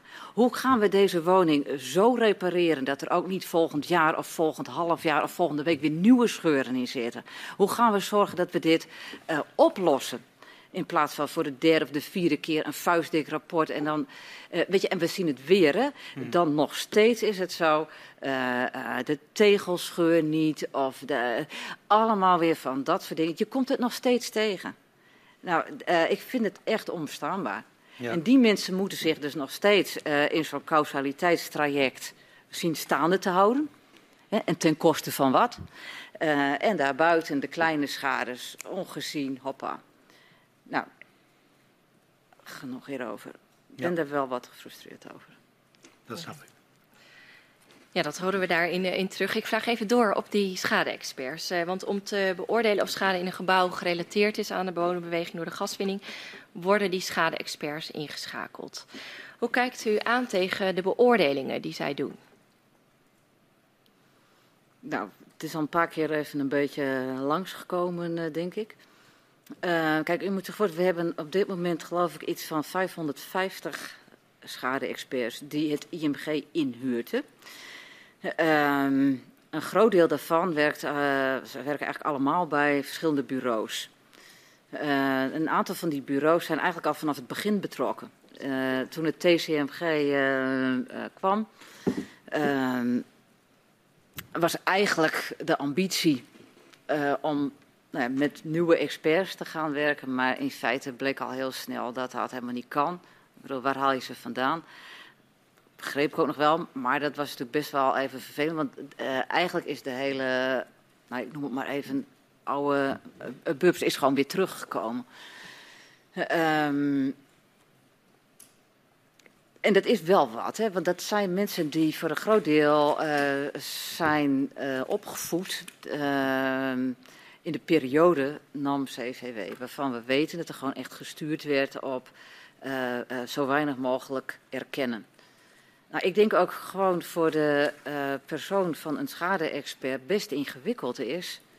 Om dan in één keer uh, in een nieuwe situatie, een nieuwe context, uh, iets heel anders te gaan doen dan wat je gewend was dat je deed. Dus we zien ook dat, dat dat hardnekkig is. Dus dat we nog steeds dingen tegenkomen die ook in die periode aan de orde waren. Het, type schaderapport en het type, ja, wij noemen dat in Groningen nu de, smoesen smoesenboek. Um, en dat is gewoon heel hardnekkig. Nou ja, en kijk, uh, het heten dan schade-experts. Um, ja, ik weet eigenlijk niet eens zo goed wat dat dan in dit geval per se inhoudt. Hè. Het zijn mensen die wat verstand hebben van gebouwen, mag je aannemen. Uh, uh, ga ik vanuit. Ik weet in het begin was dat ook niet zo. Dan uh, was een autoschade-expert ook goed genoeg voor een, woninginspectie. Ik reken erop dat dat intussen niet meer zo is. maar dan nog. Daar kent u voorbeelden dan van. Nog is dat het... mensen die, daar kent u voorbeelden van. Dat er mensen die nou, maar dat was in de NAM-periode. Zeker. Ja, dat was in de NAM-periode was dat zo. Uh, maar toen werkte zij ook uh, met een soort handboek soldaat.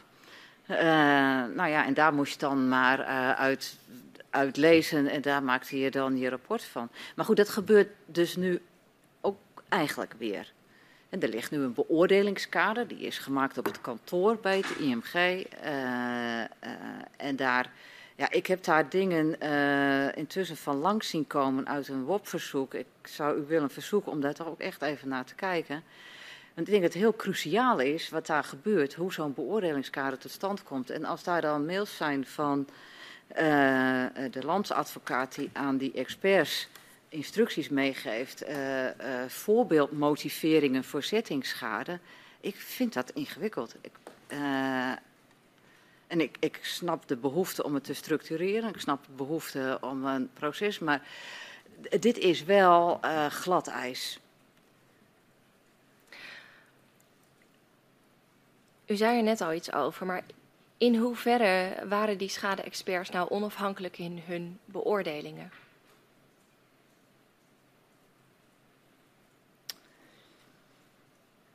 Um, ja, um, wiens brood men eet. Ja, sorry, weet je, dit stuk, er zijn intussen bureaus gewoon volledig 100% afhankelijk geworden van dit werk. Uh, ja, kan je niemand kwalijk nemen, maar het is wat het is. Uh, dus hoe logisch is het dan om uh, te negeren wat je opdrachtgever wil uh, en waar hij voor betaalt? Um, dus formeel uh, onafhankelijk ongetwijfeld. Uh, geen direct dienstverband. Uh, er komen wel kaders, richtlijnen voor hoe je moet werken, wat je moet doen. Ehm, maar ik vind die onafhankelijkheid is één ding. Ik weet, er is in Groningen sowieso veel cynisme over, veel sepsis over. Er zijn ook mensen die ervan overtuigd zijn dat ze dat zeker niet waren en misschien nog steeds niet zijn.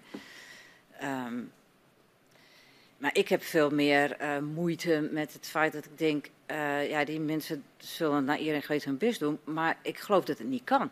Ik ben ervan overtuigd dat je nooit uh, onomstotelijk een bewijs nog voor aardbevingsschade, nog voor settingschade, nog voor. En je kunt een idee daarover hebben en je kunt daar vermoedens over hebben en je kan daar aannames over hebben en je kan daar nog eens. En je kan vrij zeker weten dat je denkt dat het zo zit. Maar echt bewijzen, uh, ik denk dat dat in dit geval niet kan. Dat was ook precies de reden waarom wij dat bewijsvermoeden zo belangrijk vonden met elkaar en waarom we dat wilden hebben. Uh, omdat we af wilden van deze eindeloos getouwtrek. Ik bedoel, ik kan op elk rapport een contrarapport neerzetten. Ja, je, je blijft aan de gang. Dat is het probleem.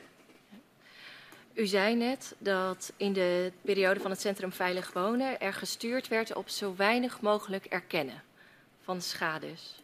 Dat is uh, wat wij, uh, ja, wat wij vermoeden, wat wij terugkregen, de signalen die wij uh, daarover hoorden. Ja. Ja, kunt u daar een voorbeeld van geven? Ho hoe bedoelt u? Uh, op welke, wat voor signaal kregen Oh, nou ja, er zijn wel mensen uh, uh, geweest die daar gewerkt hebben. Schade-experts voor die bureaus. die later wel uh, meestal uh, anoniem. We hebben, we hebben er zelf al een paar gesproken, maar dat is natuurlijk best wel uh, een dingetje. die, dat, die dat zeggen. en die dat in ieder geval zelf zo ervaren hebben. Dat dat in feite was wat van ze verwacht werd. Ja. Schade-experts die dat. Ja, bij die gewoon bijna op percentages zaten. dat er gewoon bijna gezegd werd van nou ja, als bureau, nou ja, 70, 30. Nou, dan was het al 70 erkend, 30 niet, dan zat je al aan de. Ja, en nogmaals, ik heb daar nooit iets van gezien, hè, dus uh, ik kan het niet hard bewijzen. Maar dat is wat we van verschillende kanten uh, op een gegeven moment terug hoorden.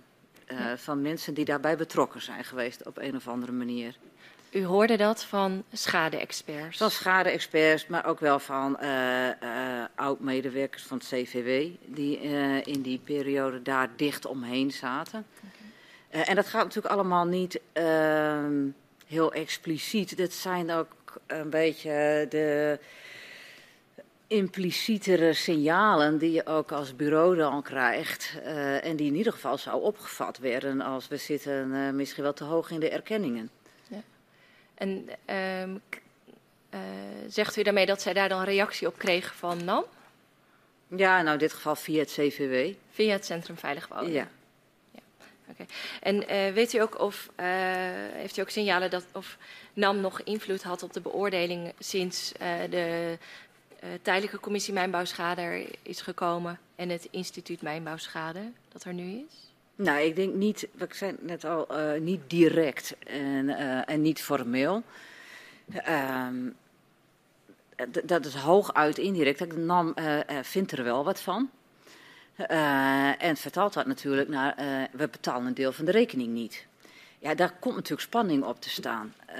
dus ik vermoed, maar goed, dat is even eigen invullingen. Uh, dat ergens in Den Haag heus wel mensen aan het kijken zijn van, uh, nou ja, in hoeverre kunnen wij de NAM nog dwingen om die hele schaderekening volledig te voldoen? Uh, en dat slaat natuurlijk toch ook op een moment weer terug naar, dus hoe moeten wij onze schadeprocessen zo inrichten dat we toch tenminste het grootste deel van de rekening betaald krijgen. Zo niet alles. Uh, en in die zin zit daar natuurlijk wel een indirecte uh, invloed, sturing. En dat heeft te maken met dat NAM bepaalt onder welke voorwaarden zij die rekening gaan betalen. En u zei net uh, dat u het ook weer ziet bij het instituut Mijnbouwschade, dat er gestuurd wordt op het niet erkennen. Nee, dat, niet op die manier minder expliciet. Nee, daar gaat het denk ik. Hoe dan wel? Nou ja, kijk, bij het CVW begrepen wij dat die bureaus echt wel signalen bijna op percentageniveau kregen. ik denk dat dat. Nou, die, die direct gehouden heb ik hier niet per se gehoord, maar dit gaat natuurlijk. Kijk, het simpele feit dat het de experts waren die aangaven bij de commissie IMG uh, dat zij vonden dat het uit de hand liep, dat het te veel werd, dat het bedragen, dat zij zich daar niet goed bij voelden, dat dat niet zo kon en dat er meer. Dat vind ik wel wat zeggen. en zij hebben. Kijk, en, en, vanuit hun verleden kan ik het nog snappen ook, hè, want zij hebben zich natuurlijk afgevraagd: wat, hoe kan dat? We hebben dit altijd afgewezen en nu zouden we dat in één keer moeten erkennen. Dat voelt natuurlijk ook niet goed, snap ik ook wel. Um, maar ja, het is wel een beetje wrang dat dat nou de aanjager is geweest om toch een wat scherper en strakker geformuleerd beoordelingskader te krijgen. Je had ook een andere discussie kunnen voeren op dat moment. Ja. We zijn uh, inmiddels anderhalf uur bezig. En ja, ik dacht... om even, even te schorsen. Uh, dan kunt u inderdaad ook wat drinken. Maar, sorry, uh, dan kunt u inderdaad ook wat drinken. Maar ik stel voor dat uh, u even uh, door de griffier weer uh, naar buiten wordt geleid. Okay. Dan kunnen wij als commissie ons ook even terugtrekken. En dan gaan we over een kwartiertje verder. Goed. Ja? Ja, prima. Zien we elkaar zo weer.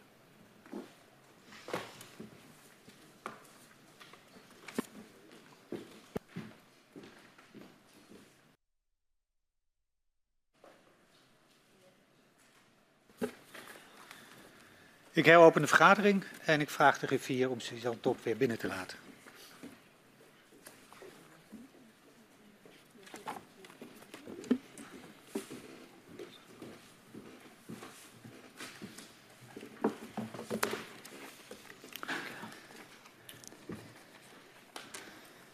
We gaan weer verder.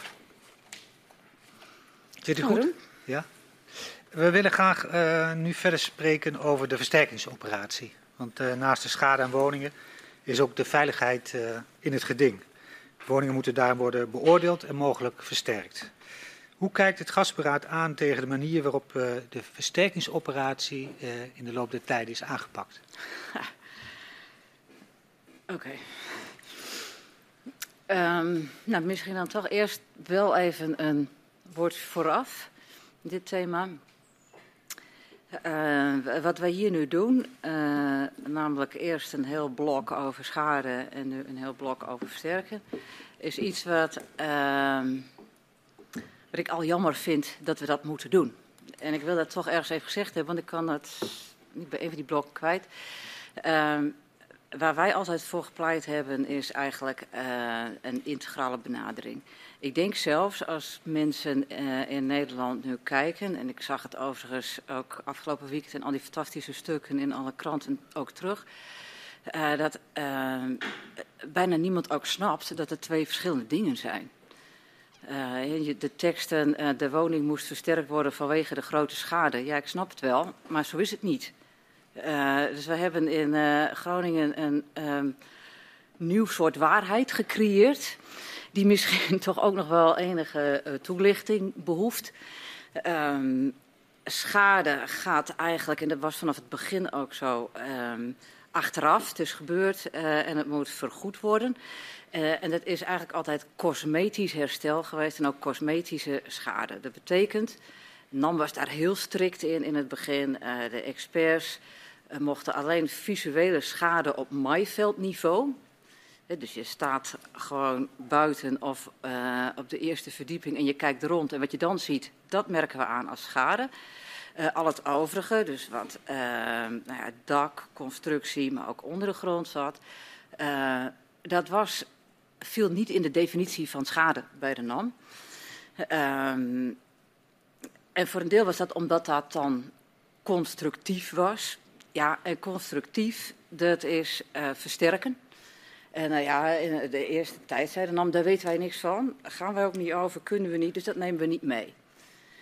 Um, versterken gaat alleen over veiligheid. Dus het gaat over um, dat je binnen een paar minuten, de, de minuten variëren, uh, laten we zeggen tien, um, uit je woning kunt komen op het moment dat er echt een hele zware beving is.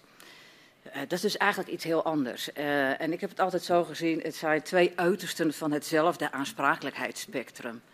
Dit is het minimale aan de schadekant, uh, dat moet je vergoeden. En dit is helemaal aan het eind, de boel kan niet instorten zodat je daar dood onder komt te liggen.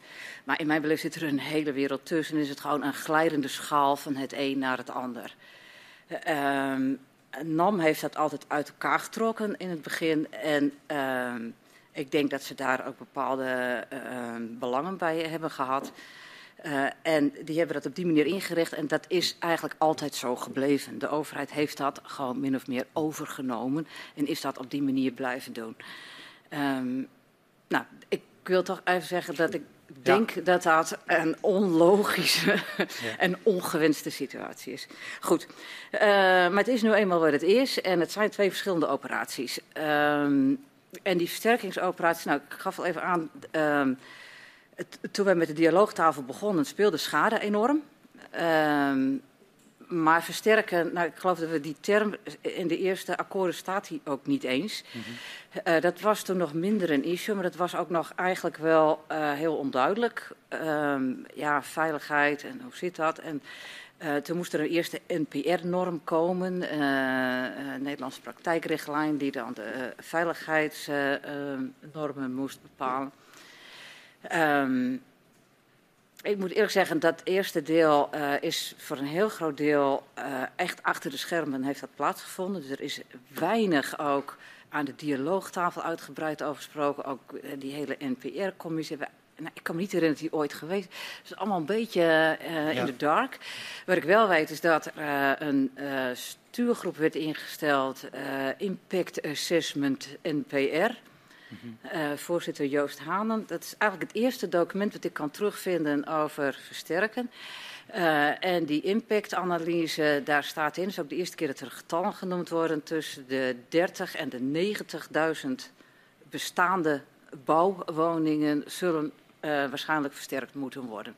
En dat was nog in de definitie van versterking, als ja, dat is nodig voor, dat was dan om, om persoonlijke ja. veiligheid te garanderen ja. en niet uh, om bijvoorbeeld constructieve schade. Nee, nee, nee. Dit ging echt over de veiligheid. Dus dit ging over uh, een dusdanige constructie in de woning dat die niet in zou storten. Daar is het vanaf het begin eigenlijk over gegaan. Die veiligheid in die NPR. Um, nou ja, dat gaf natuurlijk een hoop gedoe, uh, reuring. Uh, en toen heeft de minister, nou ik geloof een paar weken nadat dit eerste rapportje, adviesje, waarvan ik me afvraag wat er überhaupt mee gebeurd is. Ja. Ik heb de indruk dat dat eigenlijk nergens uh, op tafel is geweest en echt besproken is. Uh, minister Kamp heeft toen een paar weken later de opdracht aan de commissie Meidam gegeven eigenlijk een beetje om hetzelfde uitzoeken. Wat is de consequentie van die NPR, de eerste concept NPR die er zo net lag, ja. uh, voor, voor het gebied. Dus wat betekent dit? Uh, nou, de commissie Meidam heeft daar uh, nou een klein dat jaar... was in 2015? De, 15, denk ik. Ja. ja, ik denk 15. Ja. Uh, begin 15 was dat eerste uh, Impact Assessment Analyse rapportje, ja. adviesje. Mhm. en toen kwam in februari die opdracht aan de commissie. En dat was eind 15, denk ik, dat die commissie met het rapport kwam.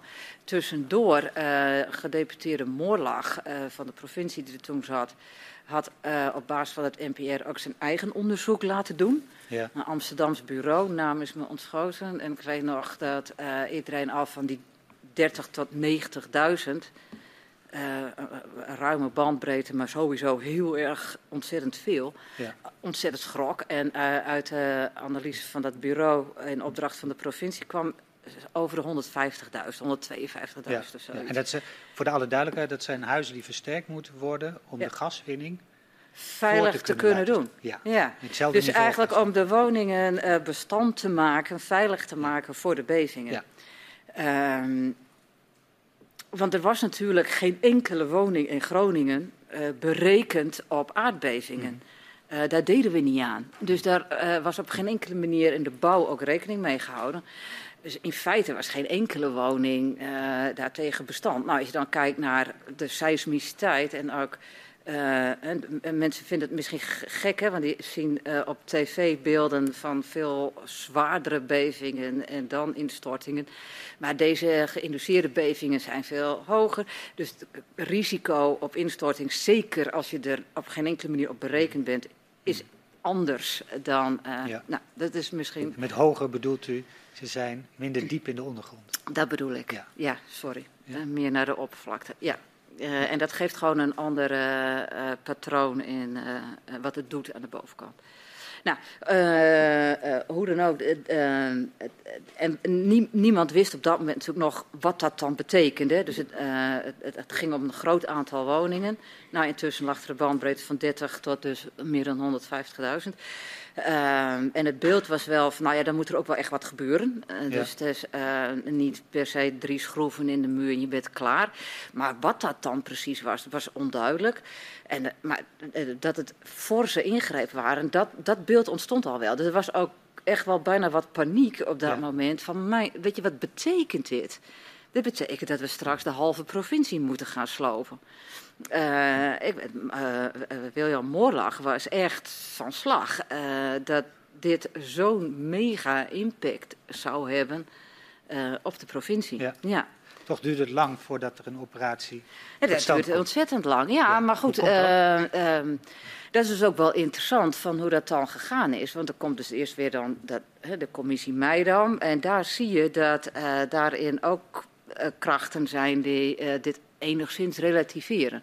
Die zeggen, nou ja, weet je, uh, misschien, het is wel heel erg conservatief. En, uh, uh, ja, en laten we ook wel even duidelijk zijn, deelnemen aan het verkeer is altijd nog... Nou ja, dat soort uh, teksten kwamen er eigenlijk ook uh, in die periode daarna. Dus het werd ook wel iets gerelativeerd um, in, in, in, de, in de impact. Mm -hmm.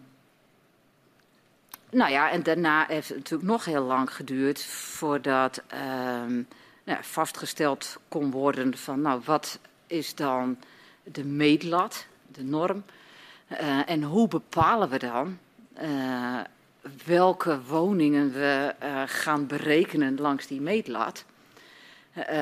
en ja, hoe zorg je er dan voor dat je daar een programma voor in de benen zet die nou ja, uh, uitvoerbaar is, navolgbaar is, dat was natuurlijk een hele ingewikkelde discussie. Mm -hmm. uh, en intussen uh, zaten we in de overgang van de dialoogtafel ook naar de nationaal coördinator. En ja. die had dit wel meteen op zijn bord liggen. Dat mm -hmm. was vanaf het begin degene die dit probeerde los te trekken en de discussies daarover aanging. En ik herinner me dat we ook gelijk wel de discussie op de mat hadden van ja, wat doen we? Eh, je wilt eigenlijk de meest onveilige woningen eerst versterken, dat is logisch. Vanuit veiligheidsperspectief. Het probleem was alleen, niemand wist waar die stonden. Ja. En je moest wel gaan beginnen. En je moest ook beginnen met rekenen. Uh, ja, dus het enige wat je kon doen was uh, dat wat je wel wist over verhoogd risico. Nou, dat had ook heel erg te maken uiteraard met hoge seismiciteit, uh, kerngebied ook wel iets met type woningen. Ja. Uh, maar laten we dan maar gewoon in een gebied, in een hele wijk, in een hele dorp, in een hele buurt uh, uh, beginnen. Dus het, er is een hele bewuste keuze gemaakt toen om gebiedsgericht te beginnen. En dat was niet tegenover, we willen niet de eerste onveilige woningen eerst. Maar omdat iedereen wist, we weten niet welke dat zijn. Ja. Ja. En dan kan je het beter gebiedsgericht doen, want dan kan je sneller meer woningen. En deze benadering, die gebiedsgerichte benadering die je beschrijft, die is onder verantwoordelijkheid van de NCG ja. ontwikkeld. Ja. Uh, is die uiteindelijk ook doorgezet? De badgesbenadering. Uh, toen heette de gebieden heten uh, badges. Nee, ja, nee. En waarom niet? het gaat grote stappen. Um, nou ja, er, het speelde natuurlijk allerlei issues. een van de dingen was dat die norm, die ik net al even noemde, je had, je, had het, je had, het, model wat uh, aangaf welke woningen mogelijk risico liepen. Uh, en die je dus eigenlijk moet gaan onderzoeken. Uh, dat was het HRA-model. Mm -hmm. en die, vervolgens moest het berekend worden. en dus je moest een NPR-berekening gaan maken om te kijken hoe het werkelijk zat. Ehm, nou ja, op basis van dat HRA-model is dus die keuze gemaakt voor die badges gebiedsgerichte uh, aanpak en vervolgens werd er dan gerekend. Um, nou, wat we, het, het, het, ingewikkelde werd op een gegeven moment dat er voortdurend wijzigingen werden aangebracht, nieuwe inzichten. Zowel in het HRA-model als in die NPR-berekening uh, werd. En, en, dat had natuurlijk te maken met nou, de eerste modellen waren ongetwijfeld ook wat conservatief. Het was allemaal nieuw. We deden het allemaal voor de eerste keer. En je neemt het zeker mm. voor het onzekere. Uh, maar de impact daarvan is natuurlijk zo enorm. En, ja, en daarmee het geld. Ja. Dat er dus ja. wel heel erg gestuurd werd op zo vaak mogelijk. Uh, om het maar te klein. Ook om het uh, uiteindelijk goedkoper te kunnen maken, ga ik vanuit. Uh, allemaal logisch genoeg. Maar daardoor uh, waren er steeds wijzigingen en is die bedsbenadering uiteindelijk ook niet gered. Dat heeft natuurlijk alles te maken met de stopzetting van die gaswinning. Dat ja, want dan wil ik even een verder. Wil je dan ja. Nou, nee, ja. Wacht even, wacht even. Ja. Het gaat heel snel. Ik ben ook best snel in mijn vragen. Maar ik was wel benieuwd hoe u die relatie zag tussen de gaswinning, het gaswinningsniveau en de afbouw daarvan versus al dan niet voortgang in de versterkingsoperatie.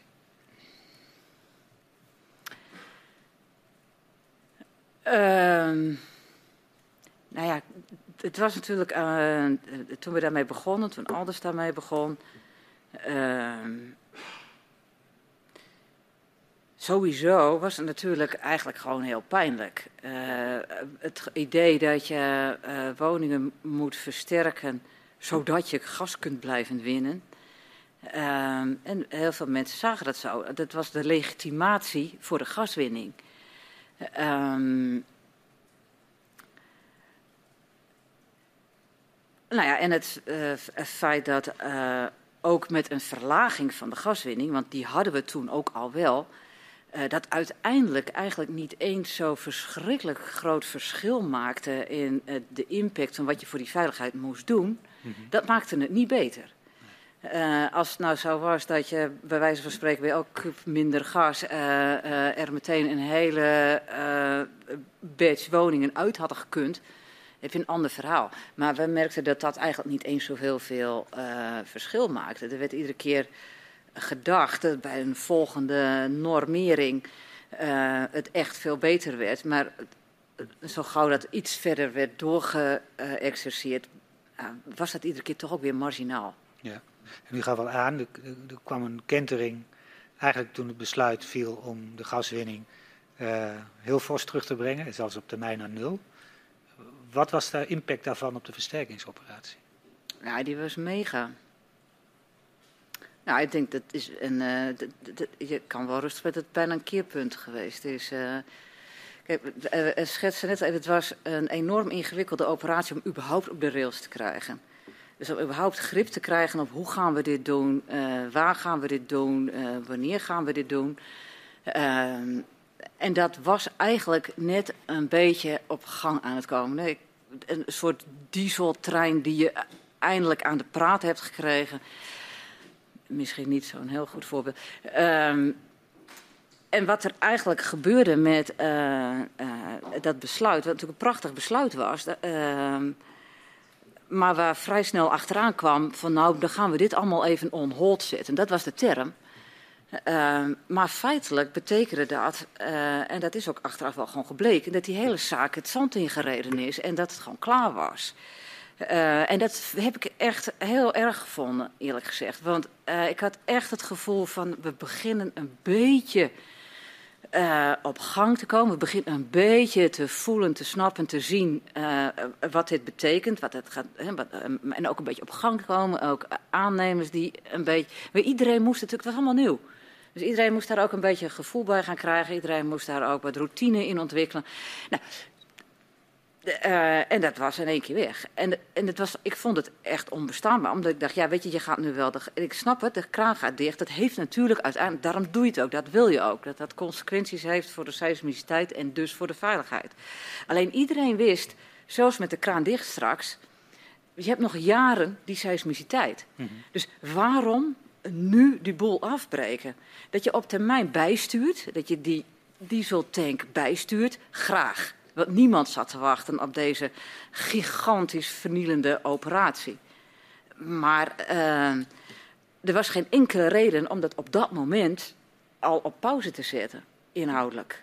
En hoe lang heeft die pauze in uw beleving geduurd? Nou, veel te lang. Uh, want het was natuurlijk niet alleen een pauze. Daarna kwam er ook weer een, uh, een soort uh, herbezinning. Ik kreeg toen dat traject met het Mijnraadadvies.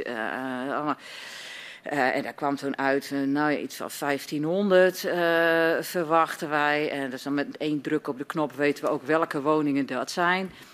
Nou, dus niet. en, en toen er uiteindelijk een lijst uitkwam, bleek die ook aan alle kanten te rammelen, niet te kloppen.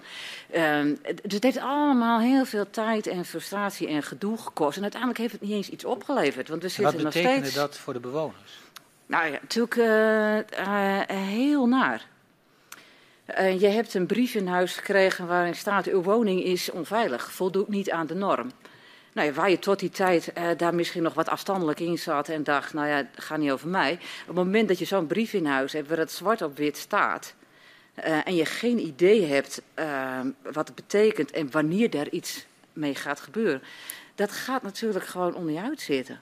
Het is gewoon heel naar om zo'n brief in huis te hebben. Zelfs al de brief, wij gaan onderzoeken of uw woning wel veilig is, is al ingewikkeld. En dan ga je al nadenken, oh, maar de baby slaapt wel boven. Als er wat gebeurt, ik wist het.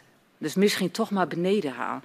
Weet je, dat soort gedachten. En die gaan vastzitten. En je weet niet, en dan ga je maar eens bellen. En dan denk ik, nou, ik vind het nu toch wel echt naar worden. Uh, en ik zie daar wat gebeuren.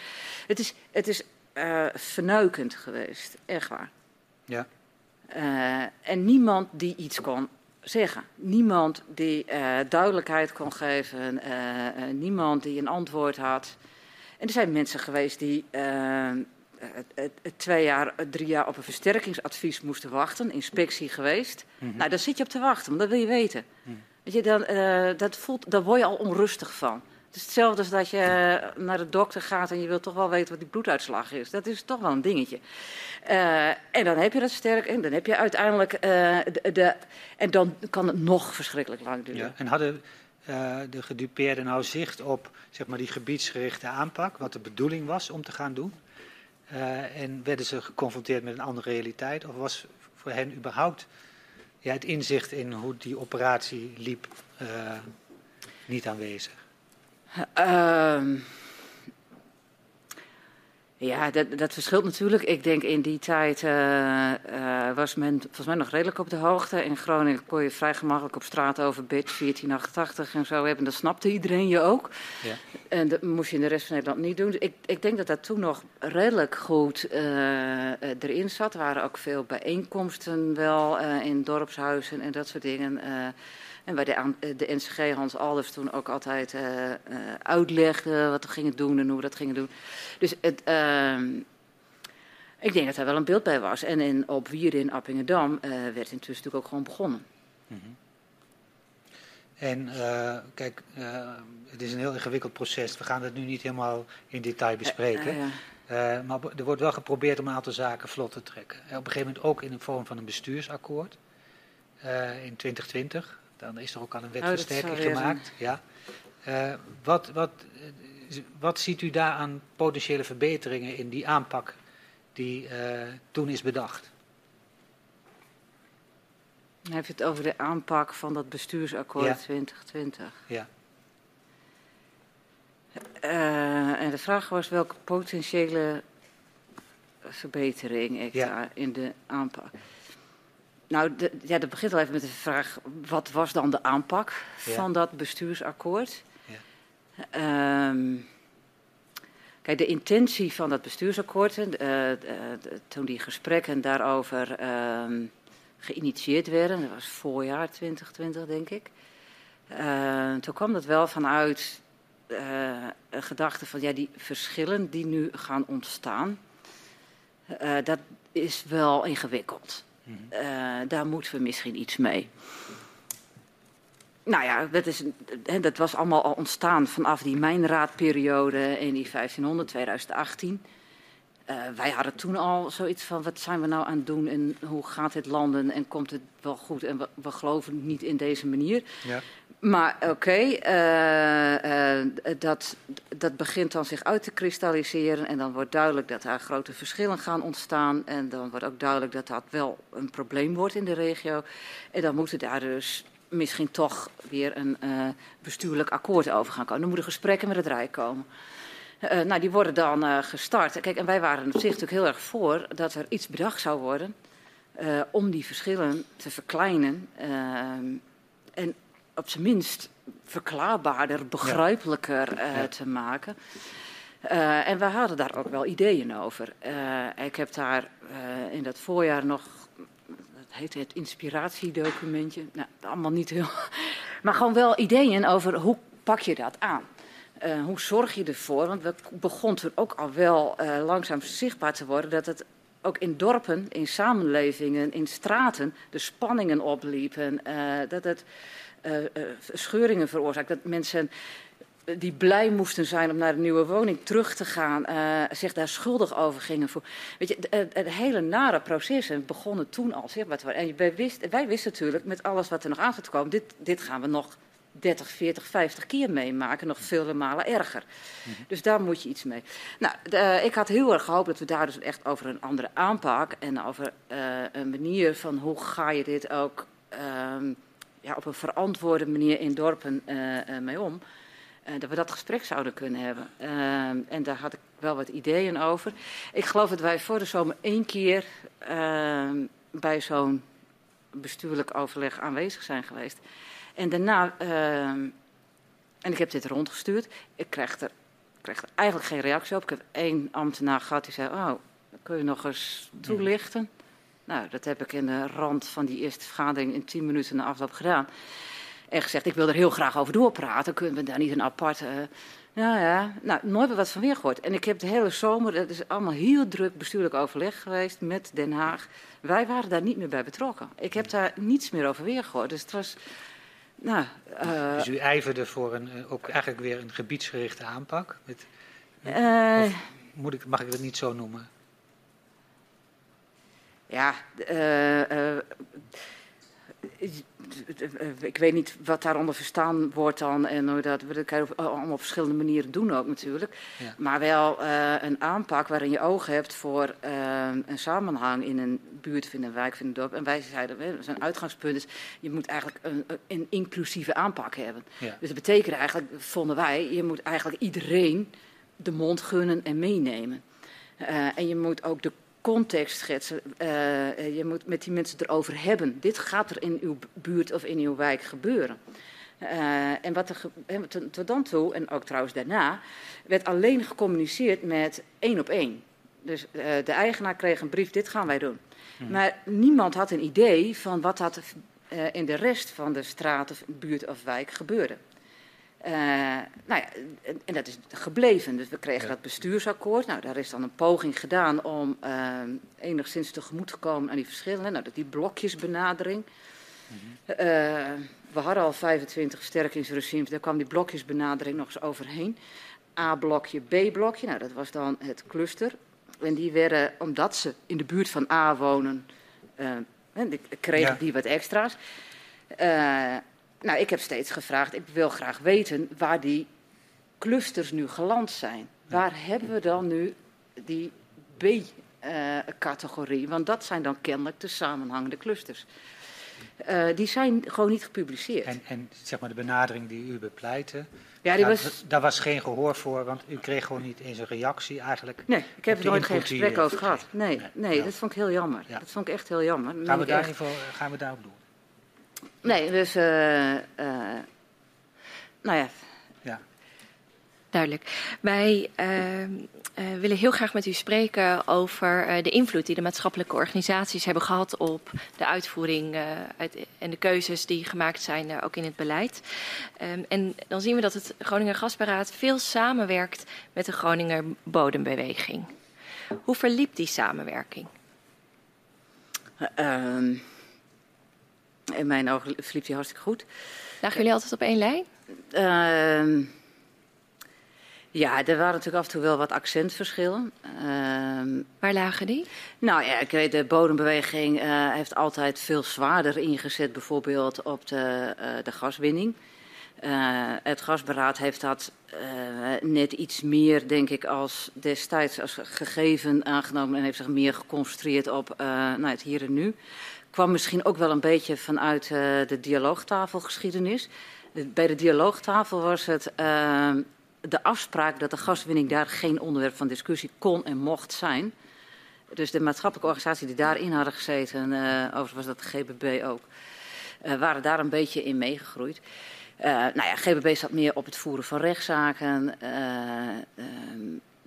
Afhankelijk denk ik ook activistische. Volgens mij is dat later ook nog wel weer wat bijgetrokken. dat wil zeggen dat Gasbraad ook best meedeed aan dat soort acties. Ehm, maar nee, kijk, uh, we hebben natuurlijk details, uh, invullingen, uitvoeringen. Uh, daar kan je best verschillend over denken. Dat hebben we ook wel eens gedaan. Maar als, als het erop aankwam en als het over grote dingen ging, of over belangrijke momenten in nou, bestuurlijke overleggen of wat dan ook. Ehm, was mijn beeld dat we elkaar altijd vonden en dat we altijd. en soms nog wel eens. Ehm, nou ja, in een soort compromisachtige formulering, maar waar we alle twee mee konden leven, omdat we het wel belangrijk vonden dat wij ja, met toch wel een beetje um, ook gezamenlijk hè, op dat soort belangrijke momenten er samen stonden. Want je bent immers beide voor het belang van Groningen. Uh, wij wilden niet tegen elkaar uitgespeeld worden. Dus er waren accentverschillen op uh, de thema's waar je mee voorop liep en de aandacht uh, voor vroeg. Maar er was geen verschil van inzicht. Jullie waren eensgezind in jullie uiteindelijk optreden. In mijn beleving is dat op hoofdlijnen altijd zo geweest. En nogmaals, er zal heus nog wel eens iets te vinden zijn waarin we net iets anders over een, een, regelingetje of een uitwerking of een positie. en ik weet ook, kijk, ik ben een groot voorvechter altijd geweest, uh, gebleven en eigenlijk nog steeds van een hele integrale aanpak. Uh, ik weet dat de GBB daar in de loop van de tijd echt genuanceerder is over gaan denken. Wat die ook zeiden van ja, dan moet er allemaal weer gereorganiseerd worden. Nou ja, weet je. Uh, maar dat is wat anders dan dat je in de kern vindt dat je een oplossing voor inwoners moet hebben. Daar zijn we het allebei heel erg over eens. En in plaats van juridische regelingen. En u zei net, u liet net vallen, we wilden niet tegen elkaar uitgespeeld worden. Was dat aan de orde? Uh, nee, Waren partijen daarop niet. uit? Hm? Waren partijen daarop uit? Oh, dat, uh, nee, ik wil niet de suggestie wekken dat dat op die. Nee. Oké. Okay. Weet ik niet. Nee. Maar ja, goed, het is natuurlijk af en toe best spannend en dan kan het. Uh, dat kan natuurlijk enorm helpen. Dus ja, die Groningen. Ja, nou ja. Dus aan ons heeft dat nooit, aan GBB heeft dat nooit gelegen. Wij hebben daar altijd uh, ook voor gezorgd dat dat niet kon. Die ruimte was er niet, hoefden ze ook niet te proberen. Jullie stonden samen sterk? Ja. Oké. Okay. Uh, hoe kijkt u aan tegen de manier waarop de NAM omging met de wensen van de maatschappelijke organisaties? De NAM moest ontzettend wennen. aan überhaupt het feit dat ze ineens met maatschappelijke organisaties en ook gewoon burgers aan tafel zaten. Dat was voor hun echt uh, bijzonder.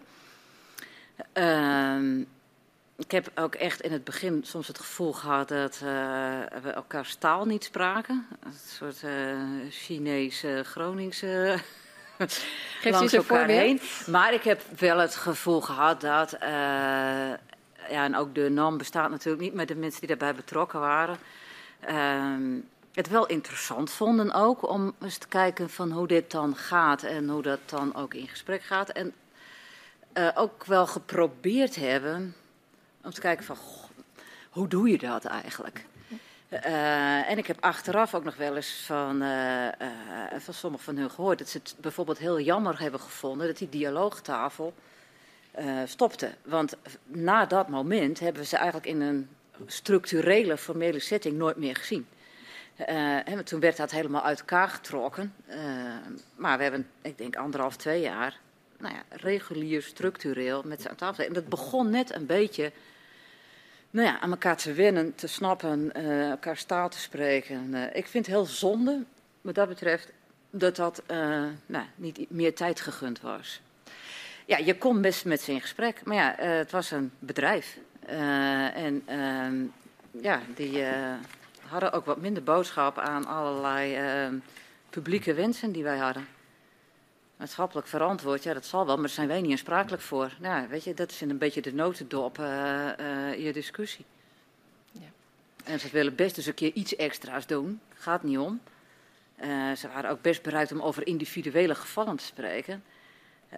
maar dat was precies wat ik eigenlijk niet wilde en wat ik ook niet deed. dus ik haalde voorbeelden aan van waarom het systeem niet werkt. En dan zei ze, oh, wie is dat? Dan ja, nee, nee. dat is toevallig één, maar zo zijn, zo zijn er nog drie, vier, vijf, achthonderd. Dus we moeten gewoon het systeem aanpassen. Nou, en daar waren ze wel heel terughoudend in. Zij, zij zijn natuurlijk bij uitstek dan degene die even snel uitrekenen wat ze dat gaat kosten. En we zijn er niet aansprakelijk voor.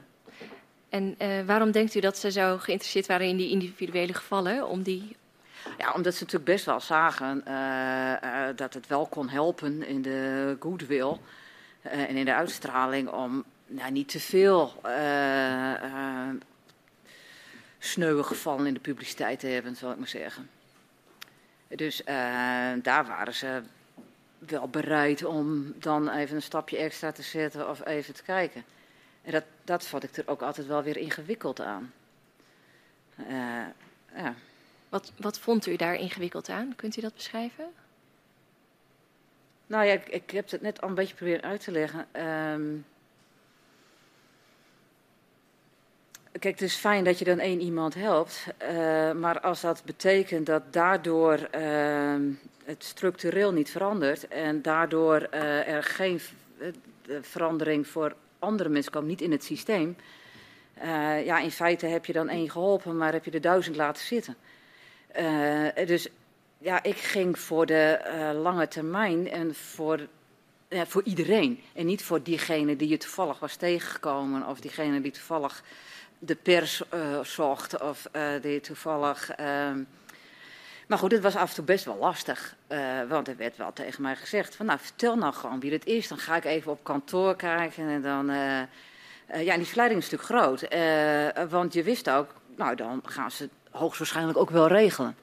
Maar dat voelde ik me ook in het krijt staan bij ze. Weet je, dan heb je ook het idee, zij hebben mij een uh, gunst verleend en dan moet ik de volgende keer ook niet te moeilijk doen. Dus ik was daar heel strak in zelf. Uh, maar ja, een heel enkele keer, uh, je laat ook iemand dan zwemmen. Dus ik heb het heel sporadisch wel eens gedaan. Uh, maar ik heb ook wel bestuurders gezien die dat vrij standaard deden en regelmatig. Ja, het is een keuze.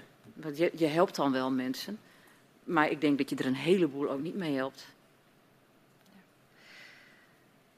Heeft de overheid uh, voldoende geluisterd naar de wensen die vanuit uh, de maatschappelijke organisaties werden ingebracht? Bij de dialoogtafel, maar ook bij het gaspraat?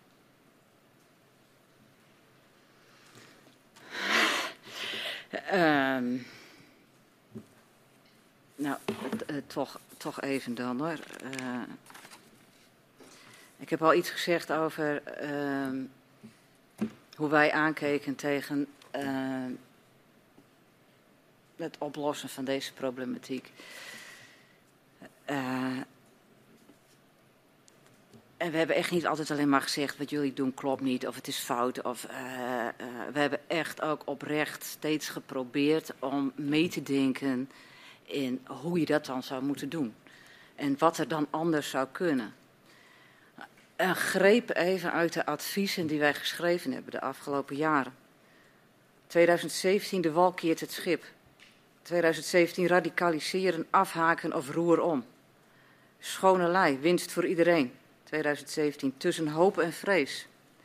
2019, crisis op de klei. Waar echt uh, nog steeds, denk ik, uh, de basis in had gezeten voor een totaal andere aanpak en visie. 2019 beter ten halve gekeerd dan ten hele gedwaald. 2020 operatie Herstel Groningen. De barometer. Boudel op Rieg is het, uh, te veel, te weinig, te laat.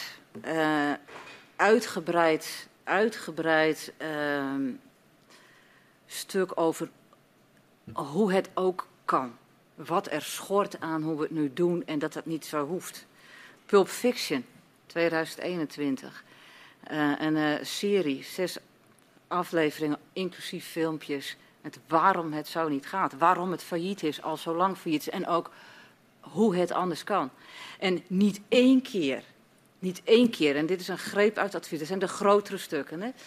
Niet één keer uh, heeft dat geleid tot een uitnodiging. Kom, laten we eens een dag op de hei gaan zitten. Laten we eens kijken. Laten we eens een exercitie doen. Zou dit kunnen? Waar lopen wij dan tegenaan als overheid? Uh, uh, hoe zouden we dat kunnen oplossen? Uh, ik heb dat echt heel teleurstellend gevonden. dit, dit verhaal, Boudel op Rieg, stand van zaken, inclusief ook weer opnieuw een suggestie van hoe het zou kunnen. Dit is het enige document wat een overzicht geeft van waar we staan in het gasdossier. Met al die onmogelijke regelingen, al die onmogelijke commissies. Dit is het ene. Ik was met drie, vier mannen. Uh, en we hebben hier ook nog weer in aangegeven hoe het zou kunnen. En er is. Ik heb hier een hele vriendelijke, beleefde brief uh, voor teruggekregen van de minister. Iets langer dan een standaard uh, ontvangstbevestiging. Maar ik wilde hierover in gesprek. Ik wilde kijken waarom kunnen we het niet zo proberen? Leg mij dan uit waarom dit zo onmogelijk is. Uh, ik, echt waar, uh, bij de dialoogtafel, ik ben eraan begonnen omdat ik echt serieus dacht van oké, dit is een heel goed, mooi bestuurlijk experiment. Uh, waarbij we als volwassen mensen een uh, probleem gaan oplossen wat iedereen helder voor de bril heeft dat het een groot probleem is. Sense of urgency was groot op dat moment. Uh, en eigenlijk toen al uh, bleek dat uh, de NAM, misschien nog wel meer de overheid, op dat moment daar al helemaal geen behoefte aan had. En dat wij daar zaten voor de legitimatie van het beleid van de minister. En dat is ons zelfs door ambtenaren wel expliciet zo gezegd. Uh, ja, als ik terugkijk, denk ik, hoe naïef ben ik geweest? Uh. Mijn vraag was: um, heeft, heeft, de overheid voldoende geluisterd nee. naar het gasberaad nee. en nee. de dialoogtafel? Als het antwoord niet duidelijk was, nee. Het antwoord is heel helder. Ja. Um, en ik hoor het u zeggen, uh, en ook het, uh, het vuur waarmee u dat uh, brengt. Hè. Ik heb zo even meegeturfd, zo'n ongeveer tien adviezen met hoe het beter kan, hoe het anders kan. Voor mensen, voor bewoners, lees ik daarin. Wat was het dan wat daar in de weg zat? Wat denkt u?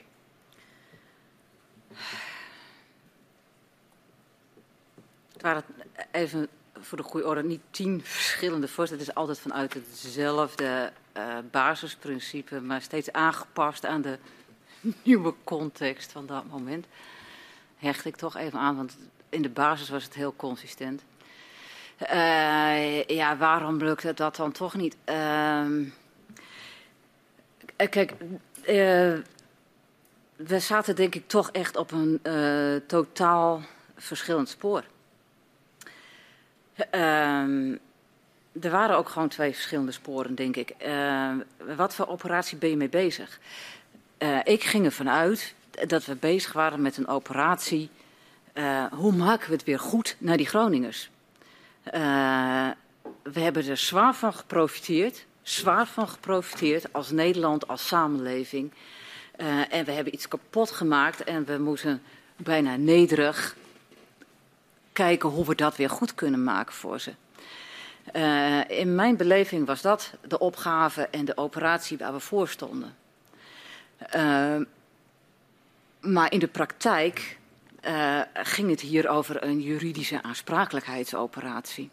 En een budgetair gekaderde operatie. En dat is een hele andere manier van zo'n operatie leiden en ingaan.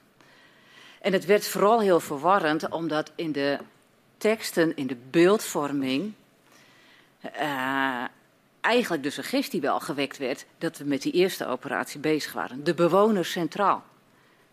Hoe vaak hebben we dat niet gehoord? In de Tweede Kamer werd het om de havenklap geroepen. Elke bewindslied, we hebben er zes gehad, nee. Maar het gaat ons ook om de bewoner, de bewoner centraal. En daarmee bevestig je het beeld dat je gaat voor, we gaan dit voor de Groningers oplossen en we gaan het doen. Maar in de praktijk kreeg de uitvoering, IMG, NCG, alleen maar uh, juridische instrumentjes afgeleid van die aansprakelijkheid. Dat spoorde totaal niet met de verwachting en het beeld, we gaan het probleem oplossen. Ja, en daarmee is het gewoon continu vastgelopen. Uh, iedere keer weer, om de twee jaar, liep het hele systeem gewoon vast. En dan gingen we iets nieuws proberen, maar wel met dezelfde valkuilen erin gebouwd. Nou, ik denk, uh, het is aan jullie om te ontdekken hoe we dat gehad hebben en hoe we dat hebben kunnen doen. En u heeft in die jaren best veel contact gehad met mensen die de besluiten namen. Zowel in de private sector, zeg maar, bij uh, de, degenen die verantwoordelijk waren voor de winning, maar zeker ook bij de overheid. Uh, hadden zij nou wel de integrale kennis die nodig was uh, voor de integrale benadering die u voorstond? Um, nou ja, dat is natuurlijk ook een beetje oorzaak-gevolgverhaal. Op het moment dat je alles uit elkaar trekt, uh,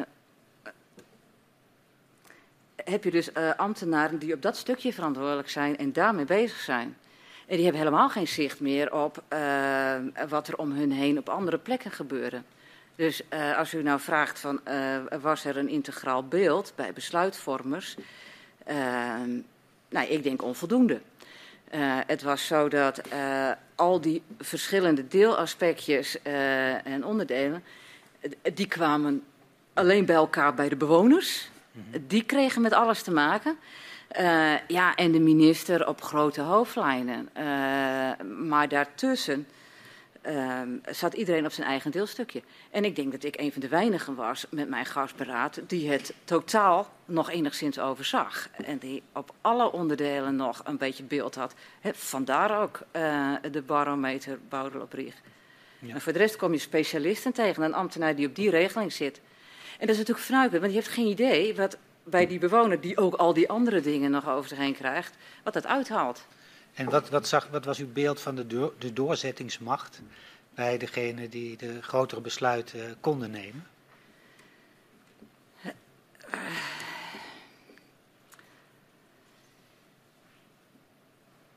Ik heb eigenlijk nooit geen echte doorzettingsmacht gezien. Ik heb überhaupt bijna geen macht gezien. Um, ik heb me vaak afgevraagd, waar is hier de macht? Uh, wie gaat er eigenlijk nog over? Waar moet ik zijn om uh, aan te geven dat het zo niet meer gaat? Uh, er waren natuurlijk zoveel partijen bij betrokken, ehm, op zoveel onderdelen. Ja, het is een bekend fenomeen. Uh, een probleem van velen is een probleem van niemand. Uh, op een gegeven moment ook uh, over twee ministeries aantal. Dus de, alleen dat al. Als je dan over een integrale benadering hebt. Met wie moet ik daar überhaupt nog het gesprek over hebben? Ik wist op een gegeven moment niet eens meer met wie ik daarover een gesprek moest hebben. Dus u zegt het ontbrak aan integrale kennis, het ontbrak aan duidelijk belegde doorzettingsmacht? Absoluut. Ja. Maar dat is natuurlijk de dialoogtafel, de governance, niet goed geregeld. Uh, niemand wist wat nou eigenlijk de positie was van de dialoogtafel. Kon die besluiten nemen? Wat voor uh, status hadden die besluiten dan? Ja, op consensus gericht. Maar, er was eigenlijk niet goed over nagedacht. En ik dacht, nou ja, dat, zien we dan wel. Nou, mislukt. NCG, Nationaal eigenlijk was niet goed. Ja, de samenwerkingsverband tussen hè, Rijk, provincie, gemeenten. Uh, ja, ben je dan een samenwerkingsverband? Nou, nee, zei Hans al, ik ben mezelf. Uh, nou, dan ben ik al in de war. En dan denk ik, ja, maar wat, wat, hoe kan dat nou? Hè? Want, uh, nou, hebben we ook gezien, hè, die had ook geen positie, formeel. en, en er is nog van alles over in gang. Het is niet gelukt. We zijn dus ook steeds bezig om te denken van, oh ja, dan hebben we een nieuw fenomeentje, een nieuw symbooltje, een nieuwe... En dan zien we wel hoe ver die komt. En dan heb je het over de dialoogtafel, dan heb je de NCG. Uh, eh, en uiteindelijk werkt dat natuurlijk niet. En ik snap best dat je niet altijd alles tot achter de komma eerst uitgewerkt hoeft te hebben voordat je ergens aan begint. Maar er werd niet eens echt over nagedacht. Uh, werd niet eens, uh, je kunt dat parallel, moet er dan op zijn minst mee bezig zijn. Maar hoe gaan we dit dan verankeren? Ja. En hoe gaan we dit dan, het zijn niet de leukste discussies, maar het moet wel. En het ging continu fout. Ja. En u beschetste ook net ook al dat u als vertegenwoordiger van de maatschappelijke organisaties vaak niet werd gehoord, of niet werd meegenomen, of ook niet aan tafel kwam. Um, uh, toch werd er beleid gemaakt, elke keer nieuw beleid. Uh, in hoeverre uh, had dat beleid een goede relatie met uitvoering? Um, nou, ik denk dat er heel veel um, beleid is gemaakt uh, wat je best goed kon verkopen, om het maar even zo te zeggen. Uh, maar wat behoorlijk wat haken en ogen in de uitvoering had, waar niemand echt uh, mee bezig was geweest. Ik heb ook veel beleid gezien wat gemaakt is, beleidsregels, nieuwe. wat ook in de uitvoeringsorganisaties ehm, nou helemaal niet geïmplementeerd werd voordat het bekendgemaakt werd, als het ware. Nou, dat is natuurlijk heel ingewikkeld. Maar er zijn situaties geweest waarin er dingen veranderden en dat bewoners dat in de krant lazen en dachten, oh. En die gingen hun bewonersbegeleider bellen en dan zei die bewonersbegeleider, ja, ik las het ook in de krant. Ja. Geen idee. Ja, maar het gaat ook om dat soort dingen. Hè. Ik heb ook uh, veel respect, uh, maar ook wel empathie, medelijden. Die bewonersbegeleider hadden een ontzettende rotpositie. Het beleid was ondoorzichtig, het was uh, uh, veel, het veranderde continu, het was uh, soms zelfs tegenstrijdig. En je moest het maar zelf zien te vertalen naar wat dat dan betekende voor jou, mensen die je begeleiden.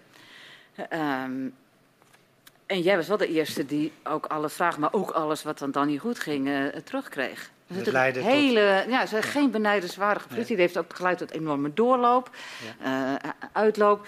Uh, en dat heeft dan natuurlijk weer geleid, want dan krijg je daar weer nieuwe mensen op die dan van niks weten. En, nou ja, en als bewoner ben je dan ook... Ge... Nee, dus het wordt een soort vicieuze cirkel naar beneden, dat heb ik echt ja. gezien.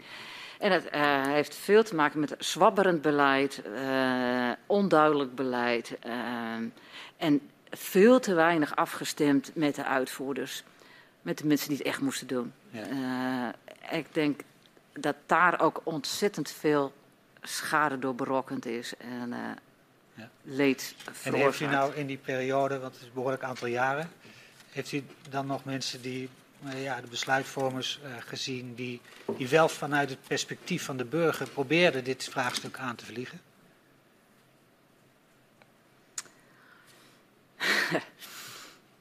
nou, um, we hebben natuurlijk maar een paar gehad die er echt wat meer tijd voor uh, gehad hebben. Uh, we uh, hebben er maar heel kort op gezeten, plaatsvervangend. Um, nou ja, goed, misschien begint ook iedereen wel met die ambitie in eerste instantie. Maar op een of andere manier, en de een iets sneller dan de ander, raakt dat heel snel toch uit beeld. Uh, dan wordt het toch ingekapseld in uh, andere type discussies. Die gaan over geld, die gaan over uh, verantwoordelijkheden, die gaan over. maar ook over. Nou, als we het hun laten doen, dan, dan, dan, dan hebben wij er ook geen verantwoordelijkheid meer voor. En dan gaat het daar ook. Dat, dat gaat niet over. Wordt die bewoner geholpen, maar het gaat over hoe dekken we onszelf in. Weet je, dat type discussie. En uiteindelijk zie je dat heel veel mensen best met een goed bedoeling, maar toch weer eindigen in dit type besluitvorming en dit type beleid. Um, nou ja, we hebben al heel waar we het over gehad hebben, uh, het stopzetten van die gaskraan in één keer uh, vrij snel naar nul. Terwijl we een half jaar geleden nog van minister Kamp, die hemel en aarde bewogen, zei: het kan niet. Kan niet vanwege de levenszekerheid, maar ook vanwege de veiligheid, vlakke winding, cruciaal. Het is onmogelijk. Nou, volgens mij was dat nog oktober, november. En uh, uh, zes maanden, het kan het wel. Weet je, nou, oké, goed. Wij incasseren dat, mooi. We gaan de oorzaak aanpakken, hartstikke goed. Maar door dan gelijk, en er zal ongetwijfeld een deal met de NAM achter gezeten hebben. We gaan dit doen, maar er komt compensatie en we stoppen met die idiote versterkingsoperatie. Uh, ja, dan lever je toch weer in op het perspectief van de bewoners. Uh, ik kan het niet anders zien. Want als dat nog steeds je perspectief was geweest, dan had je dat niet zo gedaan. Echt niet. Ik heb het hem gesmeekt. Je gooit nu het kind met badwater weg. Je, het is prachtig, die kraan, maar doe dit nu niet. En dat erbij gestuurd moet worden op termijn. Ja, dan zijn er kennelijk andere zwaarder wegende belangen. Wat zei hij toen tegen u? Uh, nou ja, het was in een grotere zitting, maar, uh, nee, maar er was er was in één keer een heel ander type gesprek. Uh, en in feite was het, uh, ja. Uh, ik heb het gedaan om die versterking te kunnen stopzetten, te kunnen pauzeren. Omdat dit gewoon ook te gek werd. Maar het was, er was gewoon al, er was al gewoon te veel besloten en de achterkamer om nog het open gesprek te hebben. Wat wij tot dan toe over schade gehad hebben inhoudelijk, was vanaf dat moment voorbij. Ik heb daarna eigenlijk nooit meer het gevoel gehad dat er ruimte was voor een gesprek. Open gesprek. Het is daarna niet meer geweest, want toen lag dat al besloten. Het moest gaan zoals het gegaan is. En dat zei hij letterlijk? Ik heb het nee, gedaan? Nee, dat, uh, dat zei hij niet letterlijk. Okay. Uh, maar zo heb ik het ervaren. Okay. Uh, dat op het moment dat hij vertelde dat hij boel pauze, er was ook al het proces hè, naar de moet mijnraad binnen drie maanden met advies komen. Nou, de mijnraad was nog nooit binnen drie maanden met wat voor advies dan ook gekomen. We hadden altijd alleen maar moeten wachten op de mijnraad. En in één keer konden ze wel een onmogelijk advies in drie maanden afleveren. Ja, ik viel van de ene verbazing in de ander. Uh, en, dat was, en daar was geen ruimte meer om echt te vragen, ja, maar wat zijn we nou aan het doen? Waarom gaan we, uh, moet dit zo? Kunnen we het niet op een andere manier? Er was geen enkele ruimte meer voor. Het zat dicht. Bewoners centraal. Dat is een uh, adagium wat uh, veel klinkt, wat we veel tegenkomen. Ja. het gasberaad pleit daarbij voor maatwerk voor bewoners. Hoe ziet u dat maatwerk voor zich?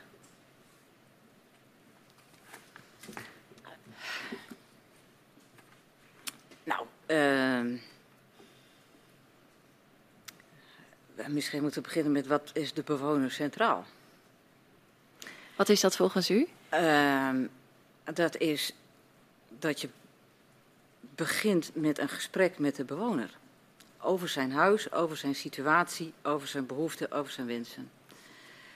Uh, bewoner centraal is voor mij het bewoner als vertrekpunt. Uh, en natuurlijk komt dan op tafel wat zijn de schaderapporten, wat, hoe zit u in de versterking, uh, uh, waar zitten we ergens in het proces, wat weten we intussen. Allemaal prima. Uh, maar het begint met een gesprek met de bewoner over dit is wat we bij uw woning waarnemen. Hoe zit u erin? Wat vindt u ervan? Weet, een, een, een echtpaar van in de tachtig uh, die in dezelfde woning zit als een jongezin ernaast, die kijkt daar heel anders naar. Hè? Uh, wat wil je? Moeten die mensen over een jaar nog uh, een jaar, anderhalf jaar naar een wisselwoning gesleept worden. Omdat een hele huis gestript of misschien wel gesloopt en nieuw bouwen. Of moet je daar een ander gesprek mee voeren? Moet je zeggen, misschien heeft u er wel belang bij om naar een appartement te gaan. Of misschien wilt u hier tot het eind blijven en gaan we u helpen met een paar noodmaatregelen. En halen we nog wat drempels weg en prima. Uh, maar daar gaat het wel om. En dat doen we nu niet. Dus we kijken nu alleen maar, dit is het versterkingsadvies en rukzichtloos wie of wat er ook in zit en wat hun behoefte uh, uh, moet mee daarin. nou, dat, mijn beeld bij Bewoners Centraal is dat je dat gesprek met de bewoners hebt en dat je dat meeweegt. en dat wil helemaal niet zeggen dat je alles van iedereen moet honoreren en dat iedereen maar zijn zin moet hebben en dat iedereen maar zijn uh, uh, eisen en wensen uh, op tafel kan. Daar gaat het niet om. Maar het gaat er wel om dat je ook de behoeften en de situatie en de context van de bewoner meeneemt in een afweging en in een plan van aanpak. En hoe ziet u dat uh, voor zich ook in relatie tot de grote aantallen schades die er zijn en ook uh, grote omvang van de nou, versterkingsoperatie? Misschien zelfs kan een efficiëntieslag uh, te halen. Kan dat dan op die manier worden vormgegeven? Ja, nou ja. Uh, kijk, we lopen dus nu met twee organisaties, met ook beide hun eigen bewonersbegeleiders en hun eigen callcenters en hun eigen. lopen we al die mensen bij langs. Ehm, ja, in feite is het gewoon ook volstrekt onlogisch. Uh, dus dat gesprek moet je over het totaal voeren. Dus het moet ook gaan over de schade en het moet ook gaan over. En natuurlijk zijn er uh, woningen waar nog nooit geen schade is geweest, maar die toch versterkt moeten worden op basis van allerlei. Uh, prima. ik geef je wel op een briefje, dat zijn niet de mensen die nou het meest slapeloze nachten hebben. Ehm, ja, wel als we zo'n briefje in huis hebben, wonen is niet, dat is niet prettig. Maar de mensen voor wie het meest ingewikkeld is, die mensen ook die de schade zien. Die zien wat er met hun huis gebeurt. Die zien dat het wegzakt. Die zien dat de scheuren groter worden. Daar word je echt onrustig van. Uh, ja, ik denk uh, dat daar is helemaal geen oog voor. Wordt überhaupt niet meegenomen. Wordt zelfs niet meegenomen, ook niet in de prioritering voor die versterking. Zelfs niet in het hele model, in de HRA niet. Uh, uh, schade speelt er geen enkele rol. Terwijl dat voor mensen juist heel erg grote rol speelt en ook heel erg ervaren wordt als onveilig.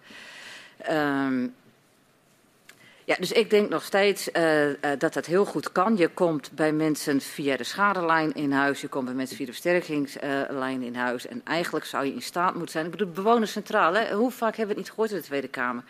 Ik bedoel, een simpel één loket. Ik bedoel, hoe, dat is toch niet te veel gevraagd?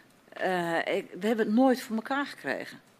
Nooit een, een loketopname op verzoek. Dat je zelf op een gegeven moment ook mag aangeven: ik wil nu gewoon graag weten hoe het met mijn huis staat. Want ik heb plannen, ik ga. Word even radio hebt. Ik ben bang, ik heb heel veel schade. Ik wil een opname. Het is een monster geworden. Gevochten, uh, moties, amendement. Uiteindelijk komt er dan iets. En dat wordt dan uitgewerkt en het is een drama geworden. Hoezo bewoners centraal? En elk bewindslied roept dat. Nee, maar het bewoners centraal ben ik helemaal voor, gaan we helemaal doen. Ja, sorry hoor, ik, uh, ik klink misschien heel cynisch en gefrustreerd, maar ik ben dat ook gewoon wel een beetje. Als het hierover gaat, zeker. Het is zo beeldvorming steeds geweest. Het is steeds zo symboolpolitiek geweest. En het is eh, zo. Uh, ja, ik word er ook gewoon echt zo verdrietig van. Ik denk, het klinkt allemaal zo prachtig, maar ik kan het niet meer horen. Ik kan het gewoon niet meer horen. Ik zie dat dat uh, u raakt. Um, zegt u uh, daarmee ook dat hoe de overheid het nu heeft proberen in te richten, uh, dat dat gedaan is vanuit de gedachte van hoe kun je het organiseren? Ja. en dat daar niet het uitgangspunt is gekozen van de bewoner. Er is nooit echt een discussie over aangegaan. Het is hoe kun je het organiseren? En de laatste jaren, ik bedoel, eerst zet je twee organisaties neer. De afspraak was één, hè? De afspraak was, we gaan naar één organisatie. Maar toen kwam die schadeafhandeling stil te liggen. Uh, en toen stond dat in brand. En toen zijn we eigenlijk gewoon een beetje ja, toen zou je zeggen, verleid, nu vind ik gewoon belazerd. ja, jullie zijn er toch ook mee eens dat er nu wel snel iets moet gebeuren met die schade. Ik weet het nog zo goed, een hoorzitting ook nog over geweest in de Tweede Kamer. Ja, weet je, maar het moet nu ook wel. Ik snap wel dat we nu iets met die schade moeten. Die mensen moeten niet langer wachten. Maar we gaan het combineren. Er komt één wet.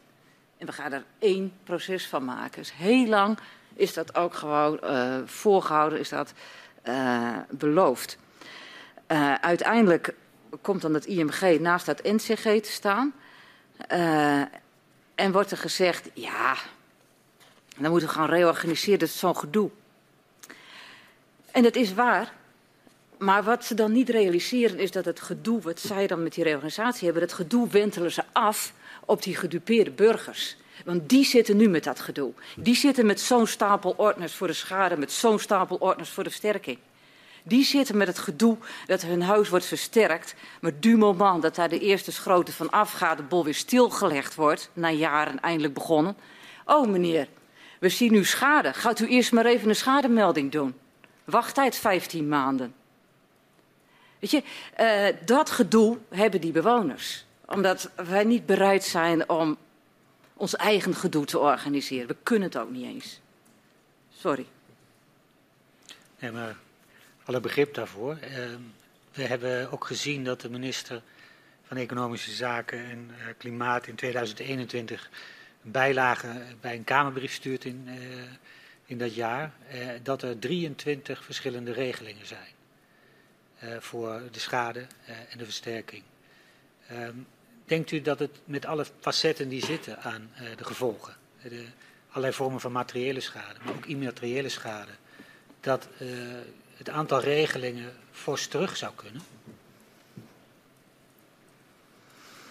23, zei u? Ja. Ik denk dat dat. Uh, dan zijn er nog een aantal buiten gelaten.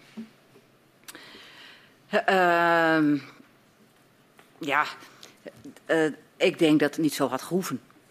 Eh, ik denk dat dat ehm, vanaf het begin heel anders ingestoken had moeten worden.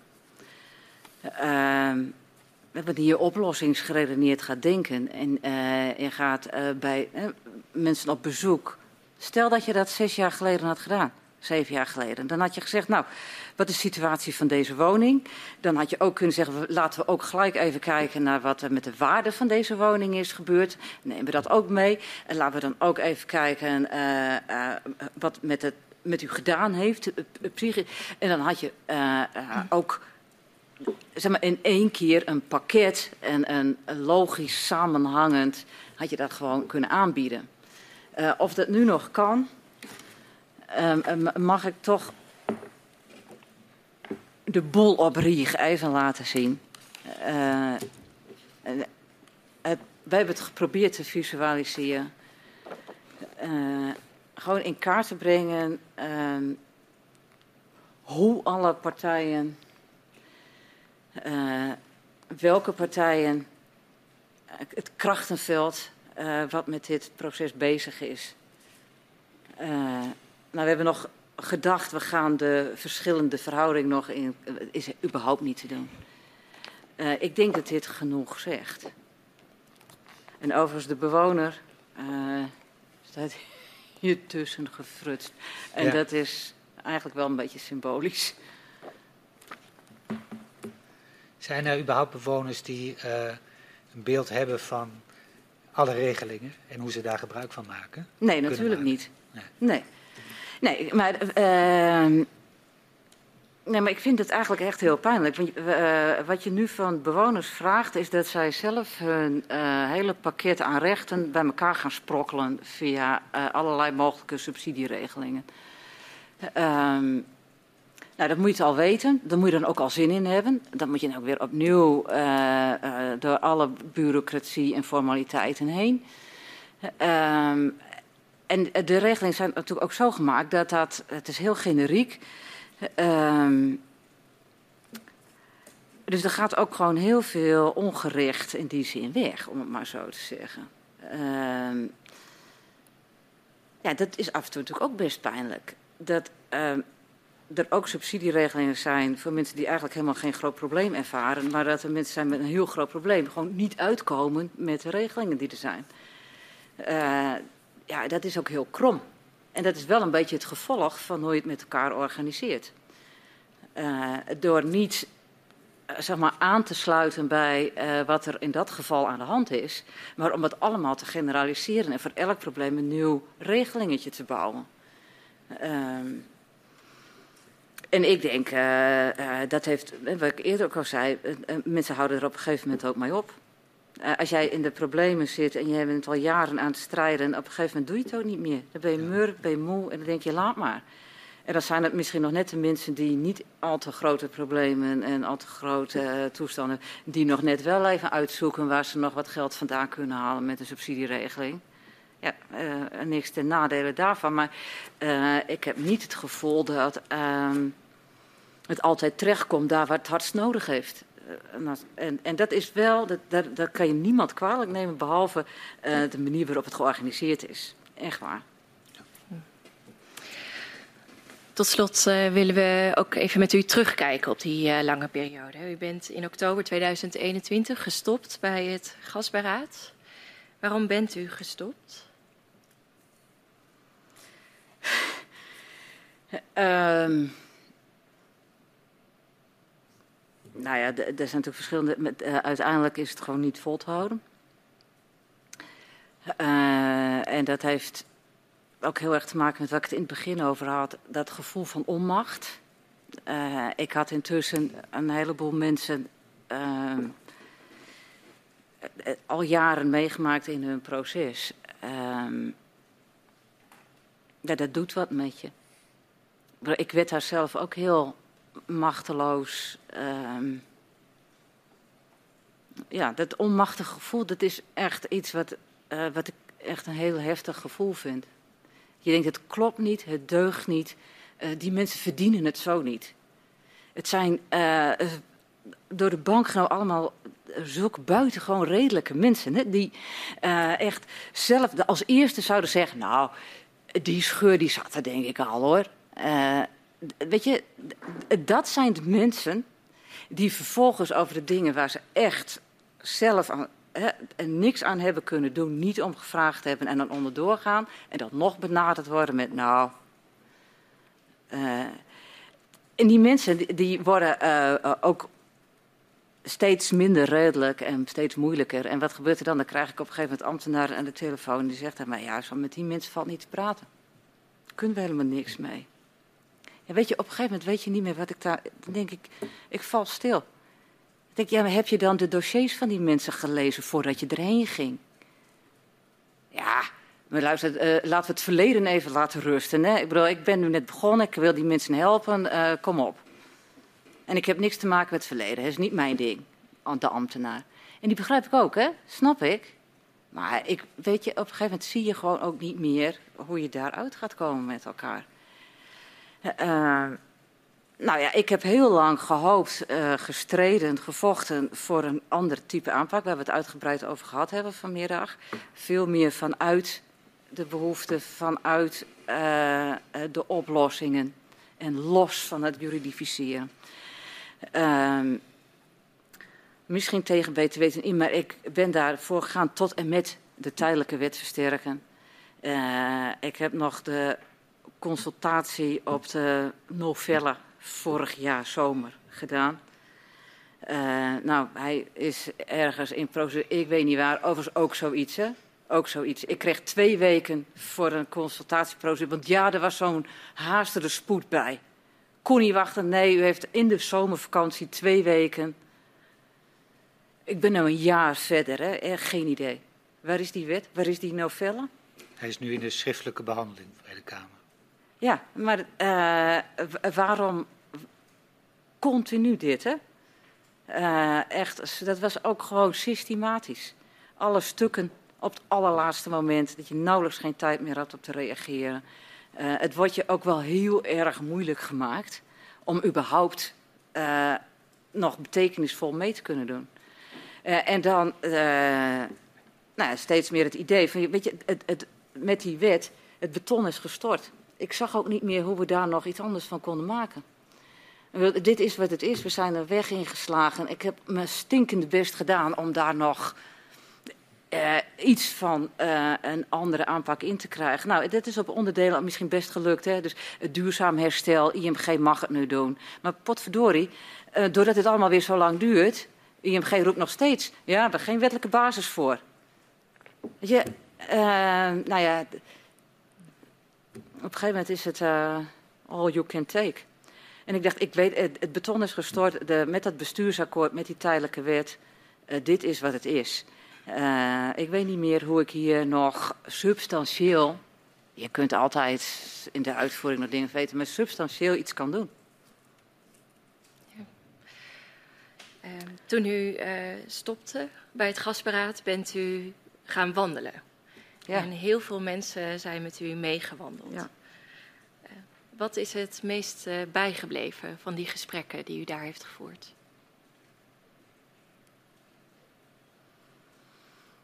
Uh, ja, dat was een hele um, intense week. Ik heb een week gewandeld. En ik ben bij uh, gedupeerden op bezoek gegaan uh, thuis. die wilde ik niet nog meer belasten. Maar ik heb professionals gevraagd om een stukje mee te lopen. Um, dat is me niet meegevallen. Um,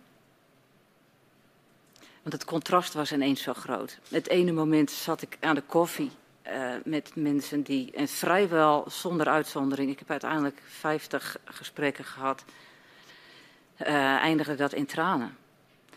En het volgende moment ben je aan het wandelen met een professional.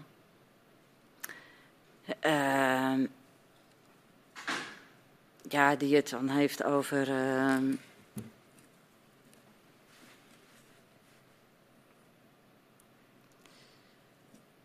ja, dat het ook moeilijk uh, is omdat die procedures niet lopen of omdat het uh, lastig is om uh, de andere partij mee te krijgen. Of om, maar weet je, het, uh, het afwentelen, het verschuilen. Ja, ehm, liefst wilden ze het nergens over hebben, koetjes en kalfjes. Uh, ik heb zo gemist dat ik een professional tegenkwam die ook zei van ja weet je, uh, ik vind niet alleen dat het uh, waardeloos is, want dat zeggen er echt nog wel een aantal, maar ik ga er ook wat aan doen.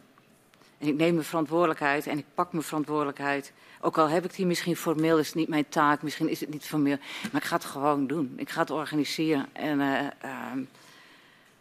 en als ik kan helpen, had ik dat graag gedaan. Weet je, maar er is er gewoon geen één geweest. En iedereen heeft zijn verhaal erbij. En ik spreek ze allemaal aan, hè, want ik, ik had ook niet zoveel meer te vissen. Ik heb allemaal tegen ze gezegd, waarom? Waarom doe je dit? En allemaal is het, uh, ja, het is niet mijn opdracht, het is niet mijn taak. Uh, ja, ben ik niet voor aan, ja, kan ik niet, heb niet de verantwoordelijkheden voor, ja. Ja, weet je, uh, dus ik vond het, ik vond het een uh, hele ingewikkelde week. En wat mij het meest trof, eerlijk gezegd, ik, uh, we hebben uh, 50 bewoners en ik had echt bewust gezegd, ik wil niet alleen de mensen die nog diep in de ellende zitten, maar ik wil ook de mensen die ik een paar jaar geleden gesproken heb en die nu in een nieuwe woning zitten. En ik dacht, ik wil ook gewoon de mensen zien die intussen geland zijn. En het viel me zo tegen. Want ook die mensen, die waren allemaal nog zo... Uh, ermee bezig. Het heeft ze jaren van hun leven gekost. Uh, ze zijn de binding met hun woning kwijt. Uh, en ze moeten zich eigenlijk nog verantwoorden naar hun familie, naar hun vrienden. Uh, ze voelen zich schuldig.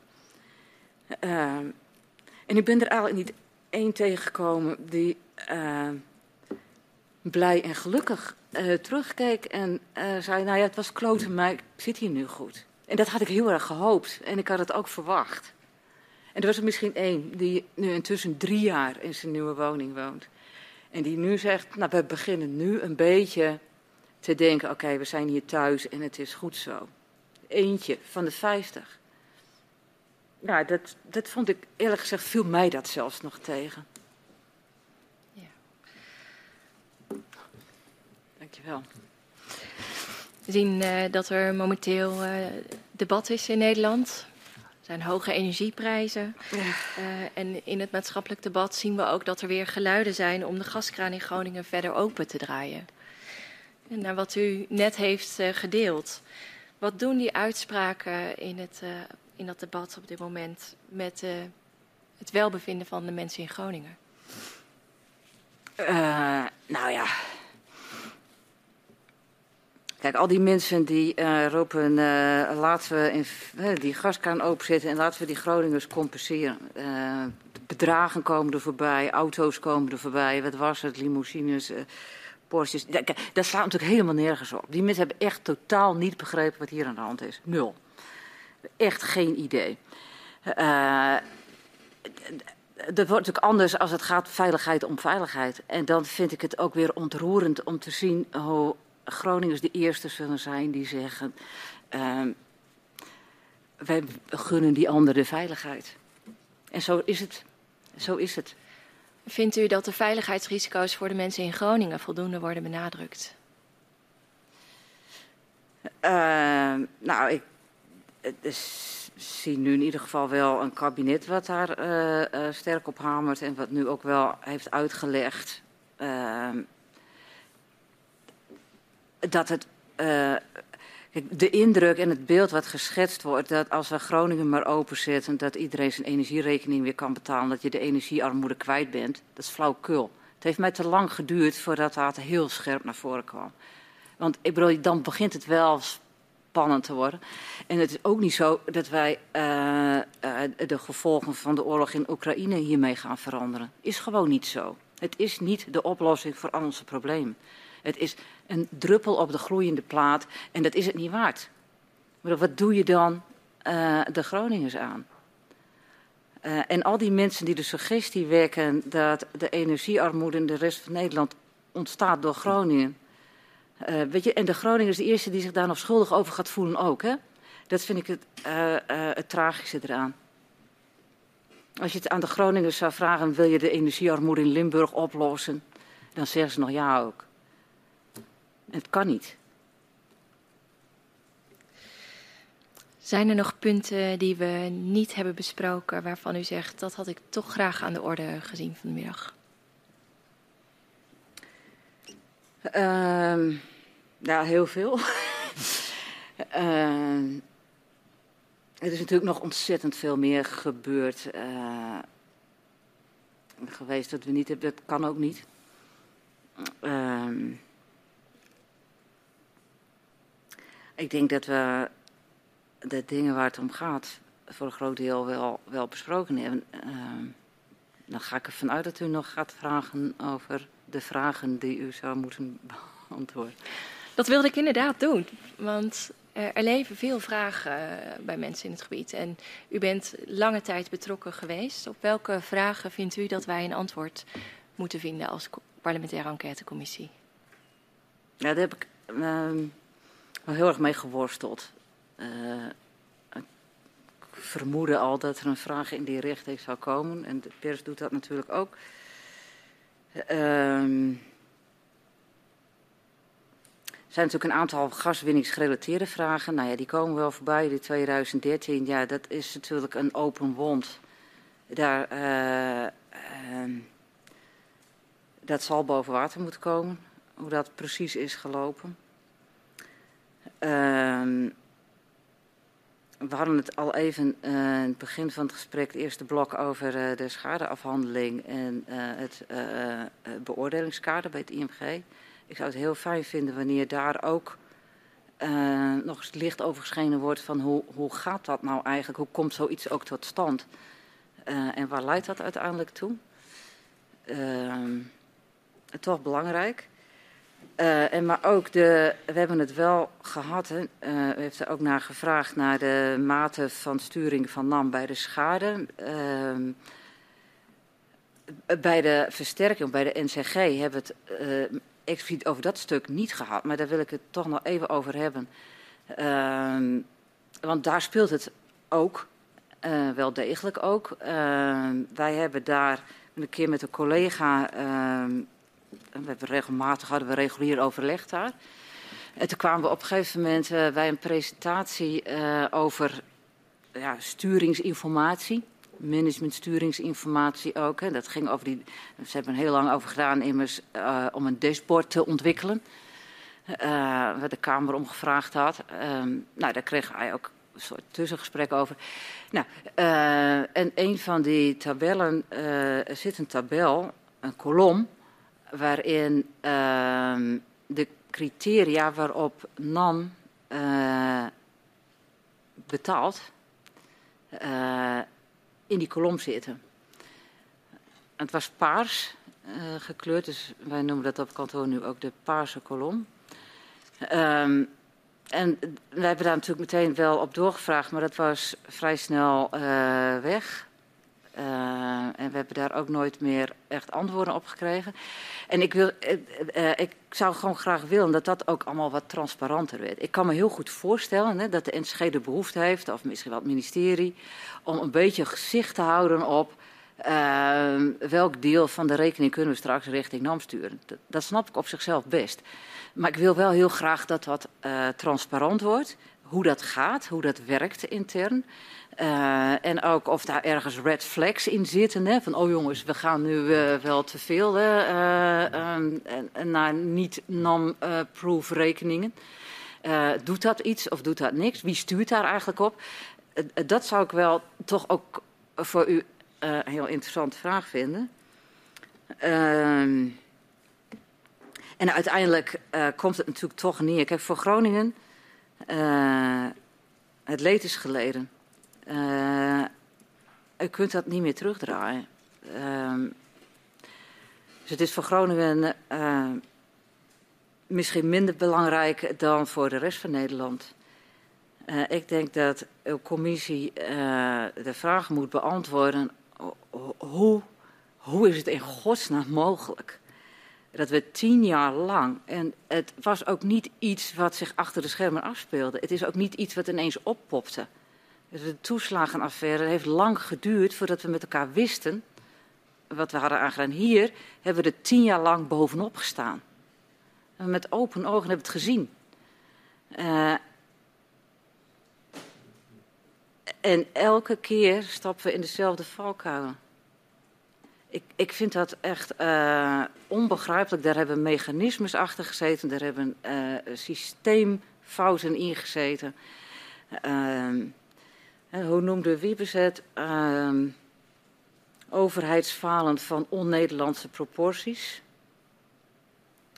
Ik denk dat u ervan moet leren, want anders wordt het de vraag hoe on-Nederlands dit is. Als we niet grip krijgen op wat hier is fout gegaan, dan ben ik bang voor de toekomst. Dank u wel. Ja, hartelijk dank. Wij zijn uh, uitgevraagd. Het is ook een uh, behoorlijk lang gesprek geworden. Ik heb geen idee van de tijd. Oh. Het is inmiddels zes uur. Uh, hartelijk dank voor uw komst, voor de beantwoording van al onze vragen. Het was een intensief en informatief gesprek. En ik zou uh, de griffier willen vragen om u uh, naar buiten te begeleiden. Nou, u ook dank. Ik heb wel het gevoel gehad dat u oprecht geïnteresseerd bent in wat er speelt en hoe wij dat hebben ervaren. En dat waardeer ik in ieder geval. Dat is prettig. Ik wens u heel veel sterkte en wijsheid. Um, ik weet dat in Groningen, uh, ja, daar heeft men opgehouden met hopen. Maar het minste wat u voor ze kan doen is toch vorm van erkenning dat zij niet gek waren. Dank u wel. Dank u wel. Nogmaals veel dank. Tot ziens.